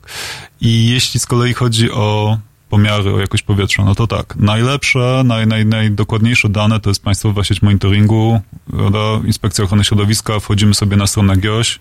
e, głównego- GIOS? GIOS, tak. Kropka? No, nie pamiętam teraz, pewnie jakoś... Czy jest Generalny Inspektor Ochrony Środowiska? Yy, Główny chyba. Główny. Wpisujemy, nie wiem, jakość powietrza, pomiary, GIOŚ, cokolwiek, wyskoczy nam fajna mapa Polski. Tylko, że tych stacji jest mało, jest kilkaset w całej Polsce, tak? W, średnio w jakimś takim dużym mieście są dwie, trzy, no w Warszawie chyba teraz pięć. W Krakowie jest trochę więcej. E, I one są dokładne, ale oczywiście możemy być nieusatysfakcjonowani, bo w naszej okolicy takiej stacji nie ma. I wtedy są też takie sieci, ja nie będę wymieniał nazwy firmy, ale jest jedna taka duża, e, która ma dużo czujników i te czujniki są znacząco mniej dokładne niż te państwowe, ale za to jest ich dużo. I do takiej orientacji, czy jest źle, dobrze, czy średnio, one wystarczają, pokazują kolory. Czy ja mogę to powiedzieć? Możesz... To jest, się nazywa chyba Early. Tak, to jest to. Ja potwierdzam, ja, ja raczej unikam mówienia firm i Ale oni faktycznie mają stronę internetową, aplikację Mają na stronę, iPhony i tak, Androidy. a jak ktoś ma taką starą komórkę, gdzie nie ma internetu jak ja, to sobie wchodzi na stacjonarnym komputerku i ogląda, co tam jest. I to oczywiście tam też są wyniki yy, liczbowe takiego czujnika, ale ja bym tutaj raczej na to patrzył jako na taką jakościową czy półoilościową informację, od purpurowego do zielonego. I to jest o tyle fajne, że to pokazuje rzeczywiście dużo z tych punktów, też pokazuje, jak się w czasie zmienia zanieczyszczenie. Mhm. Czy widać na przykład, że centrum Warszawy czy Krakowa jest innego koloru niż obrzeże. Jasne. A można do was dołączyć, e, do Polskiego Alarmu Smogowego? Czy, wy nie, czy można wpłacać wam jakieś e, pieniądze, czy coś? Oj, to jest trudne pytanie, czy nam można coś wpłacać. Mm, Nie jestem na 100% pewny, czy my takie darowizny przyjmujemy, ale jak można dołączyć? Można założyć taką lokalną grupę, taki alarm, potem się z nami skontaktować i jeżeli się człowiek czy grupa ludzi zgodzi na nasze zasady, to może oficjalnie do tej naszej sieci dołączyć, tak? To jest super informacja. Tak. Czyli Polski Alarm Smogowy to jest sieć i zachęcamy wszystkich, e, szczególnie z małych miejscowości, gdzie walczą sami o to, żeby Dokładnie e, się zgłaszać do, mm, e, do Polskiego Alarmu Smogowego. Jest strona, jest telefon do rzecznika, silnika, tak. I on wam wszystko pokieruje, jak tu dalej. Bardzo ci dziękuję, Kuba, za dzisiejsze również spotkanie. dziękuję. Mhm. Myślę, że jeszcze się spotkamy, bo Kuba też się zajmuje kwestiami klimatu. A teraz piosenka Prince'a Stone.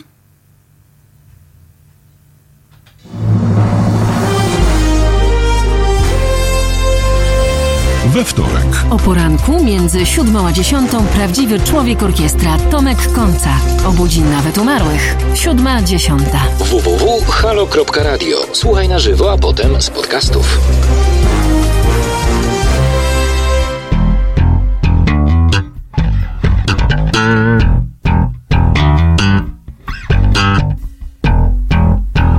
Oh, baby. First things first. We like you to stare. We used to go on stage in our underwear. We changed up. We got a brand new beat.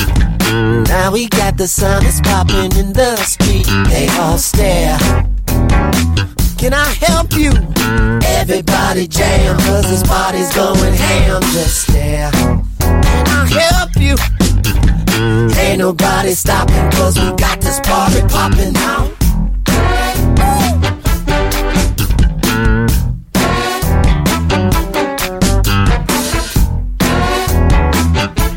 Second things first. We know you got thirst. But we like it when you're feeling for the funk until it hurts your hair. Can you blame me? Every time you whip it to the beat, it make a brother just stare. Sister, freak me. Nobody got a chance. You need your backup. Let me show you how to dance.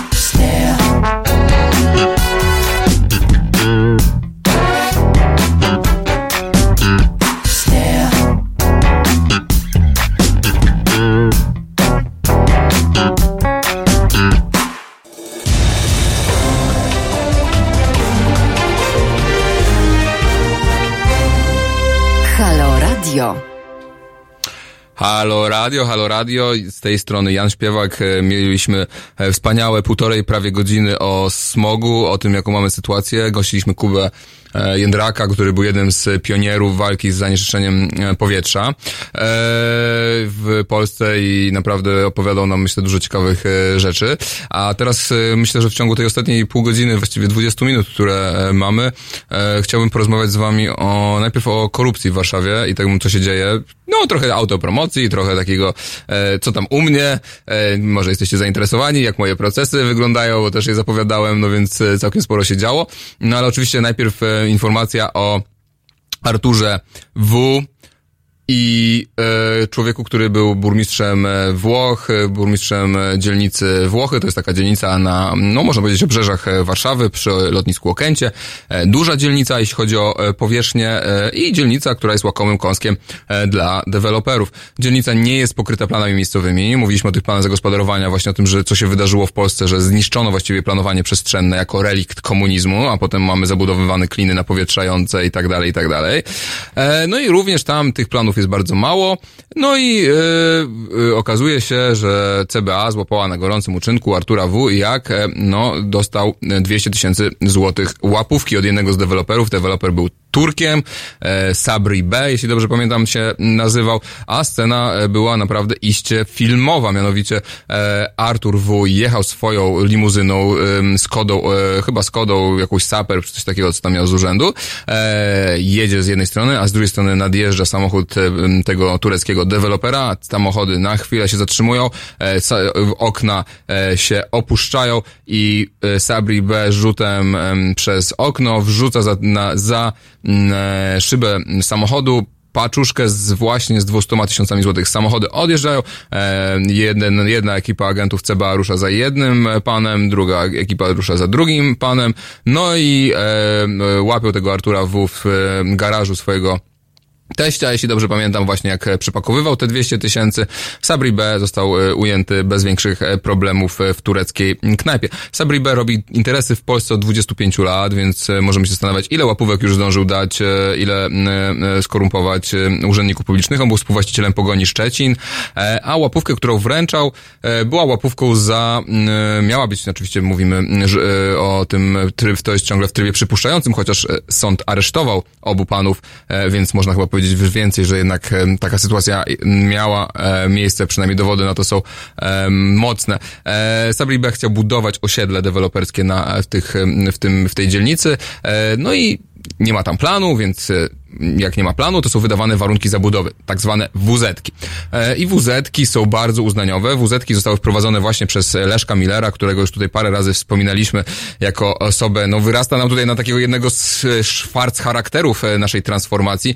Leszek Miller, ten sympatyczny dziadek, który tańczy w tańcu z gwiazdami, prawda, i jest europosłem. Ja jednak pamięć mam dobrą i nie zapominam tego, co jego rząd zrobił i zrobił niestety bardzo wiele złego. Nie to, żeby inne rządy nie robiły bardzo wiele złego, ale tak jakoś e, o nim dużo dzisiaj mówimy. Więc Leszek Miller wprowadził taką ustawę, która zlikwidowała stare plany miejscowe, właściwie mm, praktycznie większość tych planów miejscowych, wszystkie zostały unieważnione i nie wprowadził obowiązku uchwalenia nowych planów przez samorządy. E, I samorządy w ramach jakby tam, gdzie nie ma planów, właśnie są wydawane te warunki zabudowy. I warunki zabudowy mają być oparte na takich zasadach, no nazwijmy to, e, dobrego sąsiedztwa. E, i co to znaczy warunki dobrego sąsiedztwa? To znaczy, że w teorii obok domków jednorodzinnych nie powinno powstać osiedle, na przykład, nie wiem, 5-7 pięter, tak? A obok starych domów, nie wiem, kamienic nie powinny powstawać wieżowce. Tak, ta zasada dobrego sąsiedztwa mówi, no ale jak wiemy, to jest Polska, a nie Francja, więc e, tutaj e, tego typu regulacje to one niewiele znaczą e, i de facto decyduje, widzi mi się, urzędników.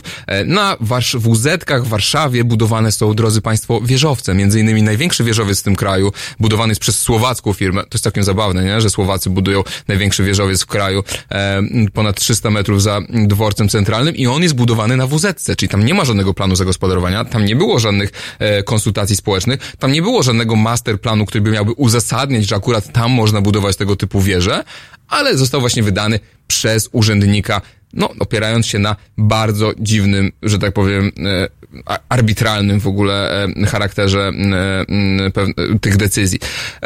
WZ-ki, na WZ na przykład został też w Warszawie budowany Warsaw Spire, to jest dla, ja to nazywam okiem Saurona, to jest taki ohydny wieżowiec przy rondzie Daszyńskiego.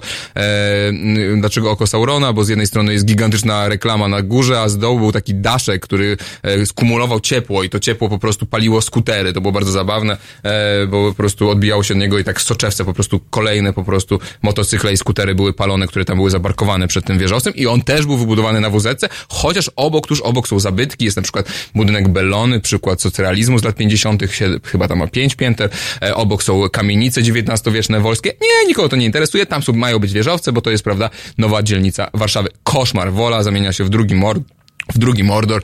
No i tak właśnie rozwija się Warszawa, ale nie tylko tak Warszawa się rozwija, bo tak w Warszawie, e, tak w Polsce rozwijają się e, większość miast. E, Gdańsk chociażby jest takim przykładem, chociaż tam akurat dużo jest planów miejscowych, ale te plany są takie chyba robione tak, że wszystko można tam budować i też bardzo jest dużo od, uznanie, uznaniowości. No chociażby z przykład ostatni, tam wybudowano w partnerstwie publiczno-prawnym, słuchajcie, wybudowano, wybudowano galerię handlową, która została bud- wybudowana nielegalnie, czyli y, ratusz z prywatnym inwestorem wybudował galerię handlową, e, łamiąc jakiekolwiek przepisy konserwatorskie, łamiąc zasady planu zagospodarowania. Co tam? To jest, to jest Polska, tu trzeba zarabiać kasę, a nie jakieś tam, e, prawda, kwestie środowiskowe czy em, zabytki szanować. I e, między innymi dlatego e, takie miał problemy świętej pamięci Paweł Adamowicz, bo e, jego przeciwnicy polityczni, Jarosław Wałęsa, e, prominentny polityk Platformy Obywatelskiej, no sam krytykował Adamowicza jako e, właśnie jako twórcę Republiki Deweloperskiej, ale te republiki deweloperskie to one istnieją, proszę Państwa, w każdym mieście w naszym kraju. E, w ta, Wrocław, Poznań, Szczecin, Kraków, no Kraków to już jest Majchrowski, to już naprawdę potrafi zrobić takie rzeczy, że to się w głowie nie mieści, żeby tylko przychylić deweloperom nieba. No, ale wracając do naszego Artura W., jest to złote dziecko Platformy, osoba, która była w wieku lat 32, chyba została e, szefem spółki e, Naftor, która miała ochraniać krytyczną infrastrukturę e, techniczną państwa, mianowicie miała ochraniać naftociągi, rurociągi i stacje paliwowe. Młody chłopak, ale jak widać bardzo, bardzo zdolny. Był tam w tej radzie nadzorczej prezesem, mimo że nie miał żadnego doświadczenia, jeśli chodzi o kierowanie jakimikolwiek spółkami, ani również jeśli chodzi o branżę paliwową. Był tam razem z panem Stoszyńskim, który dzisiaj jest wiceprezydentem Warszawy, odpowiedzialnym za inwestycje, właśnie tym wiceprezydentem, który blokuje jakiekolwiek zmiany, no to właśnie takie, żeby trochę się bardziej dało oddychać w tym mieście. E, No i tam byli razem panowie w tym zarządzie. Wiemy więc, że pan Artur W. jest prawdopodobnie człowiekiem pana, mm, pana Kierwińskiego, czyli też bardzo ważnej postaci w Platformie Obywatelskiej, prawa ręka Grzegorza Schetyny. E, Marcin Kierwiński nazywany jest przez aktywistów miejskich e, nad prezydentem, bo to on decyduje o wszystkich nominacjach w tym mieście. Jak chcesz dostać pracę, uderzcie do Marcina, Marcin to wam załatwi. Oczywiście musicie być członkami Platformy Obywatelskiej albo bardzo lubić Platformę Obywatelską. E, Myślę, że jak pójdziecie do niego i bardzo poprosicie, to może coś się wam skapnie. Artur W. następnie trafił po tym naftorze, m, e, w ogóle naftor mieli sprywatyzować. To jest jakaś w ogóle crazy historia. Myślę, że Tomek Piątek może opowiedzieć o tym więcej, bo, e, bo chyba mieli go sprywatyzować i sprzedać Rosjanom. Ale e, wracając do Artura W. Artur W. trafia do zarządu na wolę, potem to jest dzielnica też e, Warszawy, potem trafia do e, na Bielany, a potem zostaje w, ramach właśnie tego pięknej kariery złotego chłopca Platformy Obywatelskiej awansowany na burmistrza Włoch. I tu jego kariera się skończyła. A co zwróciło uwagę, jak rozumiemy, śledczych, e, no to, że poruszał się po Warszawie Lamborghini. E, Słuchajcie, burmistrz Warszawy, który jeździ Lamborghini, w ogóle po tych drogach to chyba ciężko się jeździ Lamborghini. To Lamborghini było warte jakieś półtora miliona złotych. Najpierw była informacja, że on jeździł Maserati. Maserati to tam nie jest aż tyle warte, ale Lambo to już jeszcze, to jest gruby, gruby, gruby hajs. E, No i to chyba zwróciło uwagę jednak, że może coś tu jest nie tak, że facet, który zarabia na rękę 10 tysięcy, myślę, że coś całkiem przyzwoicie, można powiedzieć, jeszcze chyba jakąś radę nadzorczą, więc pewnie tam 15 wyciągał, nagle jeździ samochodem wartym półtora miliona e, złotych. E, no i chyba po prostu pan był zbyt bezczelny, ale e, i chyba ktoś po prostu na niego biednego doniósł. E, Artur W. został e, aresztowany na trzy miesiące e, decyzją sądu. E, mamy nadzieję, że prędko z tego aresztu nie wyjdzie, zacznie sypać kolegów. A kto został, e, kto został e, jego pełnomocnikiem, e, kto został jego adwokatem? Mecenas Dubois. Mecenas Dubois to jest postać bardzo też e, kluczowa i charakterystyczna charakterystyczna dla tego, co się dzieje w Warszawie. E, mecenas Dubois jest e, członkiem Trybunału Stanu z rekomendacji Platformy Obywatelskiej. Wcześniej miał kancelarię e, adwokacką, którą prowadził razem z senatorem Pociejem, obecnym senatorem Platformy Obywatelskiej. I mecenas Dubois, kancelaria mecenasa Dubois reprezentuje warszawski ratusz, skarżąc korzystne decyzje warszawskiego komisji weryfikacyjnej i skarżąc tak, żeby miasto nie odzyskiwało nieruchomości, nie odzyskiwało pieniędzy, które e, komisja zasądza. A więc, no, czy to jest konflikt interesów? Myślę, że możecie sami e, rozstrzygnąć. E, Mi się wydaje, że chyba jednak jest. E, Facet e, dostaje pieniądze od nas, żeby skarżyć korzystne decyzje dla nas, a potem reprezentuje człowieka, który de facto nas wszystkich okradał. E, okradał i był pracownikiem warszawskiego ratusza. Tu jest takie bagno, kochani, że naprawdę e, trudno to wytrzymać, a to jest tylko jedna z setek historii, e, które mógłbym wam opowiedzieć. E, spotykamy się po krótkiej przerwie.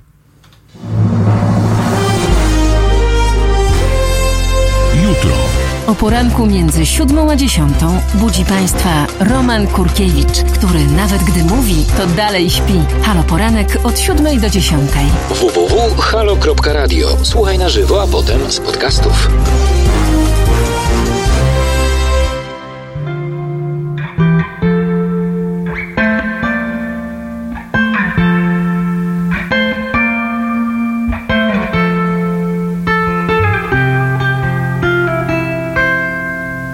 Try to keep you close to me, but life got in between. Tried to square not being there, but said that I should have been. Hold back the river, let me look in your eyes. Hold back the river so I can stop for a minute and see where you hide. Hold back the river, hold back. Once upon a different life, we rode our bikes into the sky. Now we're caught against the tide.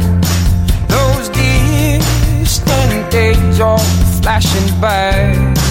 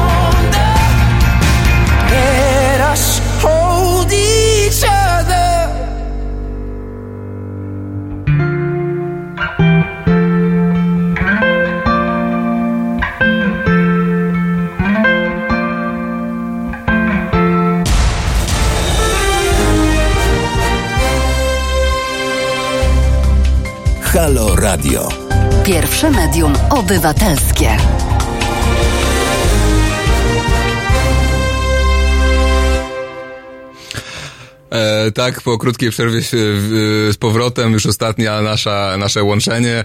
Jak turecki deweloper, to pewnie jechał Renault Tali albo Fiatem Albea, pisze ten typ. Nie wiem, czym jechał, o tym niestety media e, milczą, ale myślę, że nie miał złej furki, jeśli e, robi tutaj e, w deweloperce od e, ćwierć e, wieku. E, Warszawa Duszanbe, skaż różnicę, pyta o e, Huno, Hunowej PiS pyta. E, no tak, ale to może to jest norma w sprawowaniu władzy w PL, a poza tym może warszawiacy tego chcą, nie przeszkadza im, bo w końcu głosują na taką władzę. No głosują, bo się boją PiSu. No ja chyba tylko tak mogę to e, uzasadnić, bo naprawdę w innym, e, w inny sposób się tego uzasadnić nie da, naprawdę. E, Warszawa zarządzana jest w sposób e, absolutnie fatalny.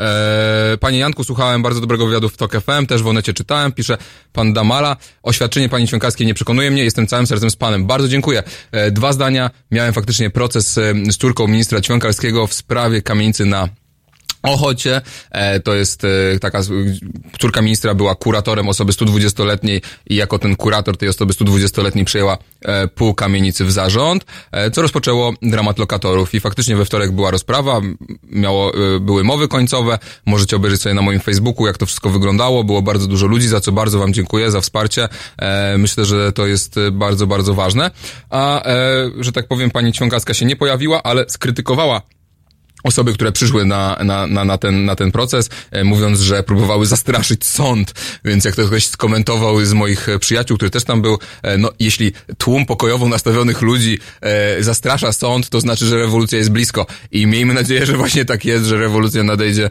e, prędzej niż e, później, bo naprawdę jesteśmy, e, w świat jest w opłakanym stanie. E, drodzy, pan, przypominam, e, że em, nasze radio, em, Halo Radio przeprowadza zbiórkę na bardzo ważny cel, mianowicie chcielibyśmy, żeby Wiktor Batel, świetny e, korespondent e, zagraniczny, pojechał do Kurdystanu e, i tam relacjonował, co się dzieje na miejscu dla Halo Radia.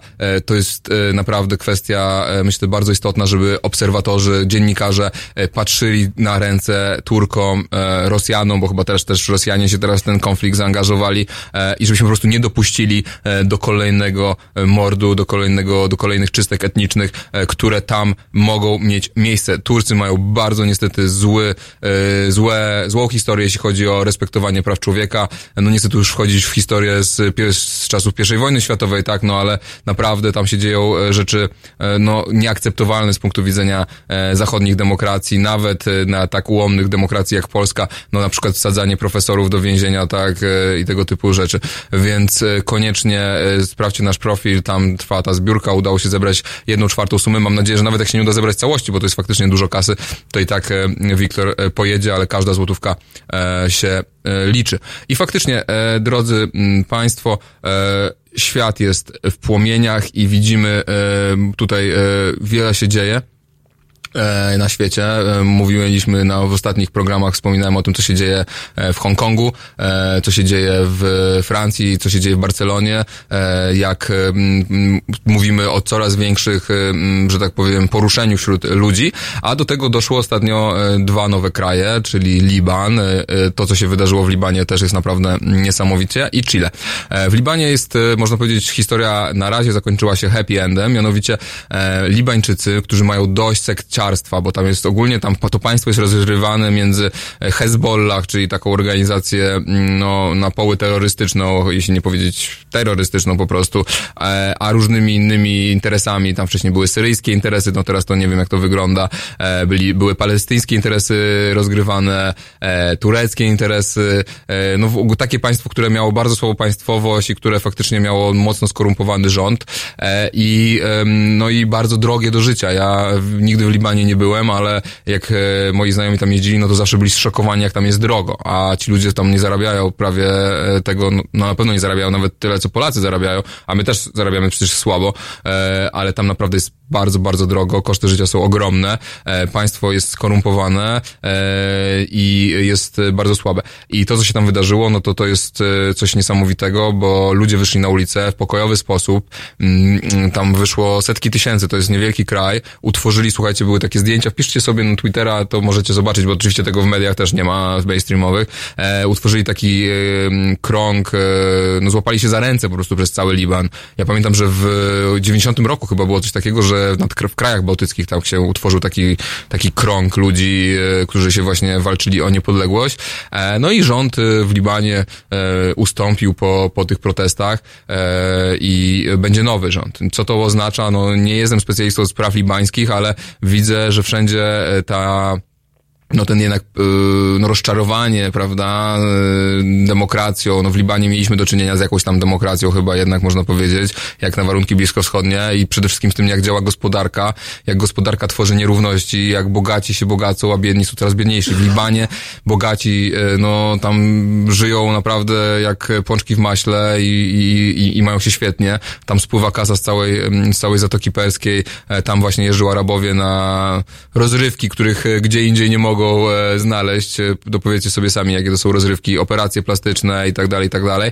E, więc te różnice tam po prostu kłują w oczy. Państwo nigdy tak naprawdę się nie podniosło z, z tych zniszczeń, które były tam w latach 80. w wojnie domowej. Ogromne niestety. Izrael też dołożył ze swoje niestety. I, i, I tak, no i chyba ci ludzie po prostu chcą żyć w nowoczesnym państwie, gdzie nie to, czy jesteś katolikiem, arabem, czy muzułmanem, muzułmaninem, przepraszam, decyduje o tym, czy, czy gdzie, jak żyjesz, w jakich warunkach i, i, i, i, kim możesz być w przyszłości. Więc e, poparcie dla, dla tych wszystkich emancypacyjnych ruchów e, e, w Libanie z mojej strony i będę obserwować, jak to się dzieje właśnie po tej zmianie władzy. Natomiast Władzy też chcą zmienić Chilijczycy. Tam z kolei jest gorąco, bo od kilku tygodni trwają regularne zamieszki. Prezydent Chile, który jest chyba niezłym... e, Cisną mi się tu na usta jakieś same nie, niezbyt wybredne słowa, powiedział, że to jest wojna. No, tylko, że to jest pytanie, czy, co to, kim, wojna kogo z kim, tak? Bo e, mają tam, ogłosili tam e, stan wyjątkowy, oparty na ustawie i konstytucji, które została wprowadzone przez Pinocheta, więc oni, słuchajcie, mają ustrój, który stworzył, stworzyła im junta wojskowa, faszystowska junta wojskowa. E, W Chile doszła do władzy ta junta po zamachu stanu wspieranym przez CIA. E, To wszystko jest świetnie opisane, Kissinger też to świetnie opisuje. No, normalnie po prostu Amerykanom się nie podobało, że, ale, e, że rząd e, argentyński postanowił e, znacjonalizować e, zasoby miedzi, jeśli dobrze pamiętam, i wprowadzał taki dość mocno socjalistyczny program. E, No i oni po prostu wysłali tam, e, dali zielone światło wojskowym, e, CIA to wsparło, prezydenta zabili, e, wprowadzili huntę, zrzucali ludzi z helikopterów między innymi do morza, no tego typu przyjemne rzeczy, tam chyba kilkadziesiąt tysięcy ludzi zmarło, zginęło. No i teraz i wprowadziła bardzo, bardzo wolnorynkowy program, ta, ta junta, tak? Milton Friedman jeździł do Chile i wprowadzał właśnie reformy, które potem wprowadzano w Polsce, między innymi prywatyzację emerytur, tak, tak, OFE to jest wymysł, wymysł chilijski, e, sprywatyzowano usługi publiczne i tego typu rzeczy, tam są naprawdę, e, to jest jedno z najbardziej nierównych społeczeństw na świecie, jest bardzo bogate, bo ma bardzo dużo zasobów mineralnych, ale niestety te pieniądze idą e, nie wcale do e, tych e, najbardziej potrzebujących. E, Cześć, e, przyszła, przyszła nowa zmiana, e, dobra zmiana, e, która e, nie trafiają do tych najbardziej potrzebujących, tylko właśnie są gromadzone przez miliarderów, których w Chile jest bardzo, bardzo wiele. No i ten prezydent, pretekstem do wybuchu tych zamieszek było, było to, że podnieśli ceny metra i to dosłownie tam, nie wiem, o kilka centów, ale to już był taki, wiecie, kropla, która po prostu em, przelała czale goryczy i e, ludzie po prostu wyszli na ulicę i co odpowiedziało, e, odpowiedziała, odpowiedział rząd? Wprowadzeniem właśnie stanu wyjątkowego e, w, i wysłaniem wojska na ulicę. I te wojsko strzela do tych ludzi, e, używając, e, no, śrutówek, to chyba to tak trzeba by to e, nazwać. E, sceny są po prostu nieprawdopodobne. Tam 100 osób chyba straciło wzrok, 30 osób zostało zabitych e, i, i co? I nic tak naprawdę. Milion ludzi na ulicach tam wyszło chyba w, niedawno. No nieprawdopodobne ilości naj- pokojowo nastawionych demonstrantów, którzy chcą po pierwsze zmiany tego rządu, nowej konstytucji i cofnięcia neoliberalnych, e, anarchokapitalistycznych reform. E, I to jest bardzo ciekawe, bo e, te reformy właśnie, które były wprowadzane w Chile, stały się gruntem jakby i podstawą do wprowadzenia reform Leszka Balcerowicza. I ten związek faszystów argentyńskich, tej hunty wojskowej z tym kapitalizmem, jak ja to nazywam, polskim wydaniu Leszka Barcerowicza jest bardzo ścisły. I jak mówimy dzisiaj, jak wam to zawsze staram się przekonać was do tego, nie wiem z jakim skutkiem, e, problemy z demokracją dzisiaj biorą się właśnie z tego, że e, bogaci mają wszystko, a biedni mają coraz mniej, a klasa średnia znika. E, I w tym systemie demokracja przeżyć nie może. I największymi wrogami demokracji i wolności są często ci, którzy tą wolność e, mają na ustach, taki jak Leszek Walcerowicz i jego mu podobni. E, więc pamiętajcie, nie wszystko jest takim, jakim się wydaje. Wpłacajcie pieniądze na Wiktora Batera, a my się widzimy e, już za tydzień. Do usłyszenia.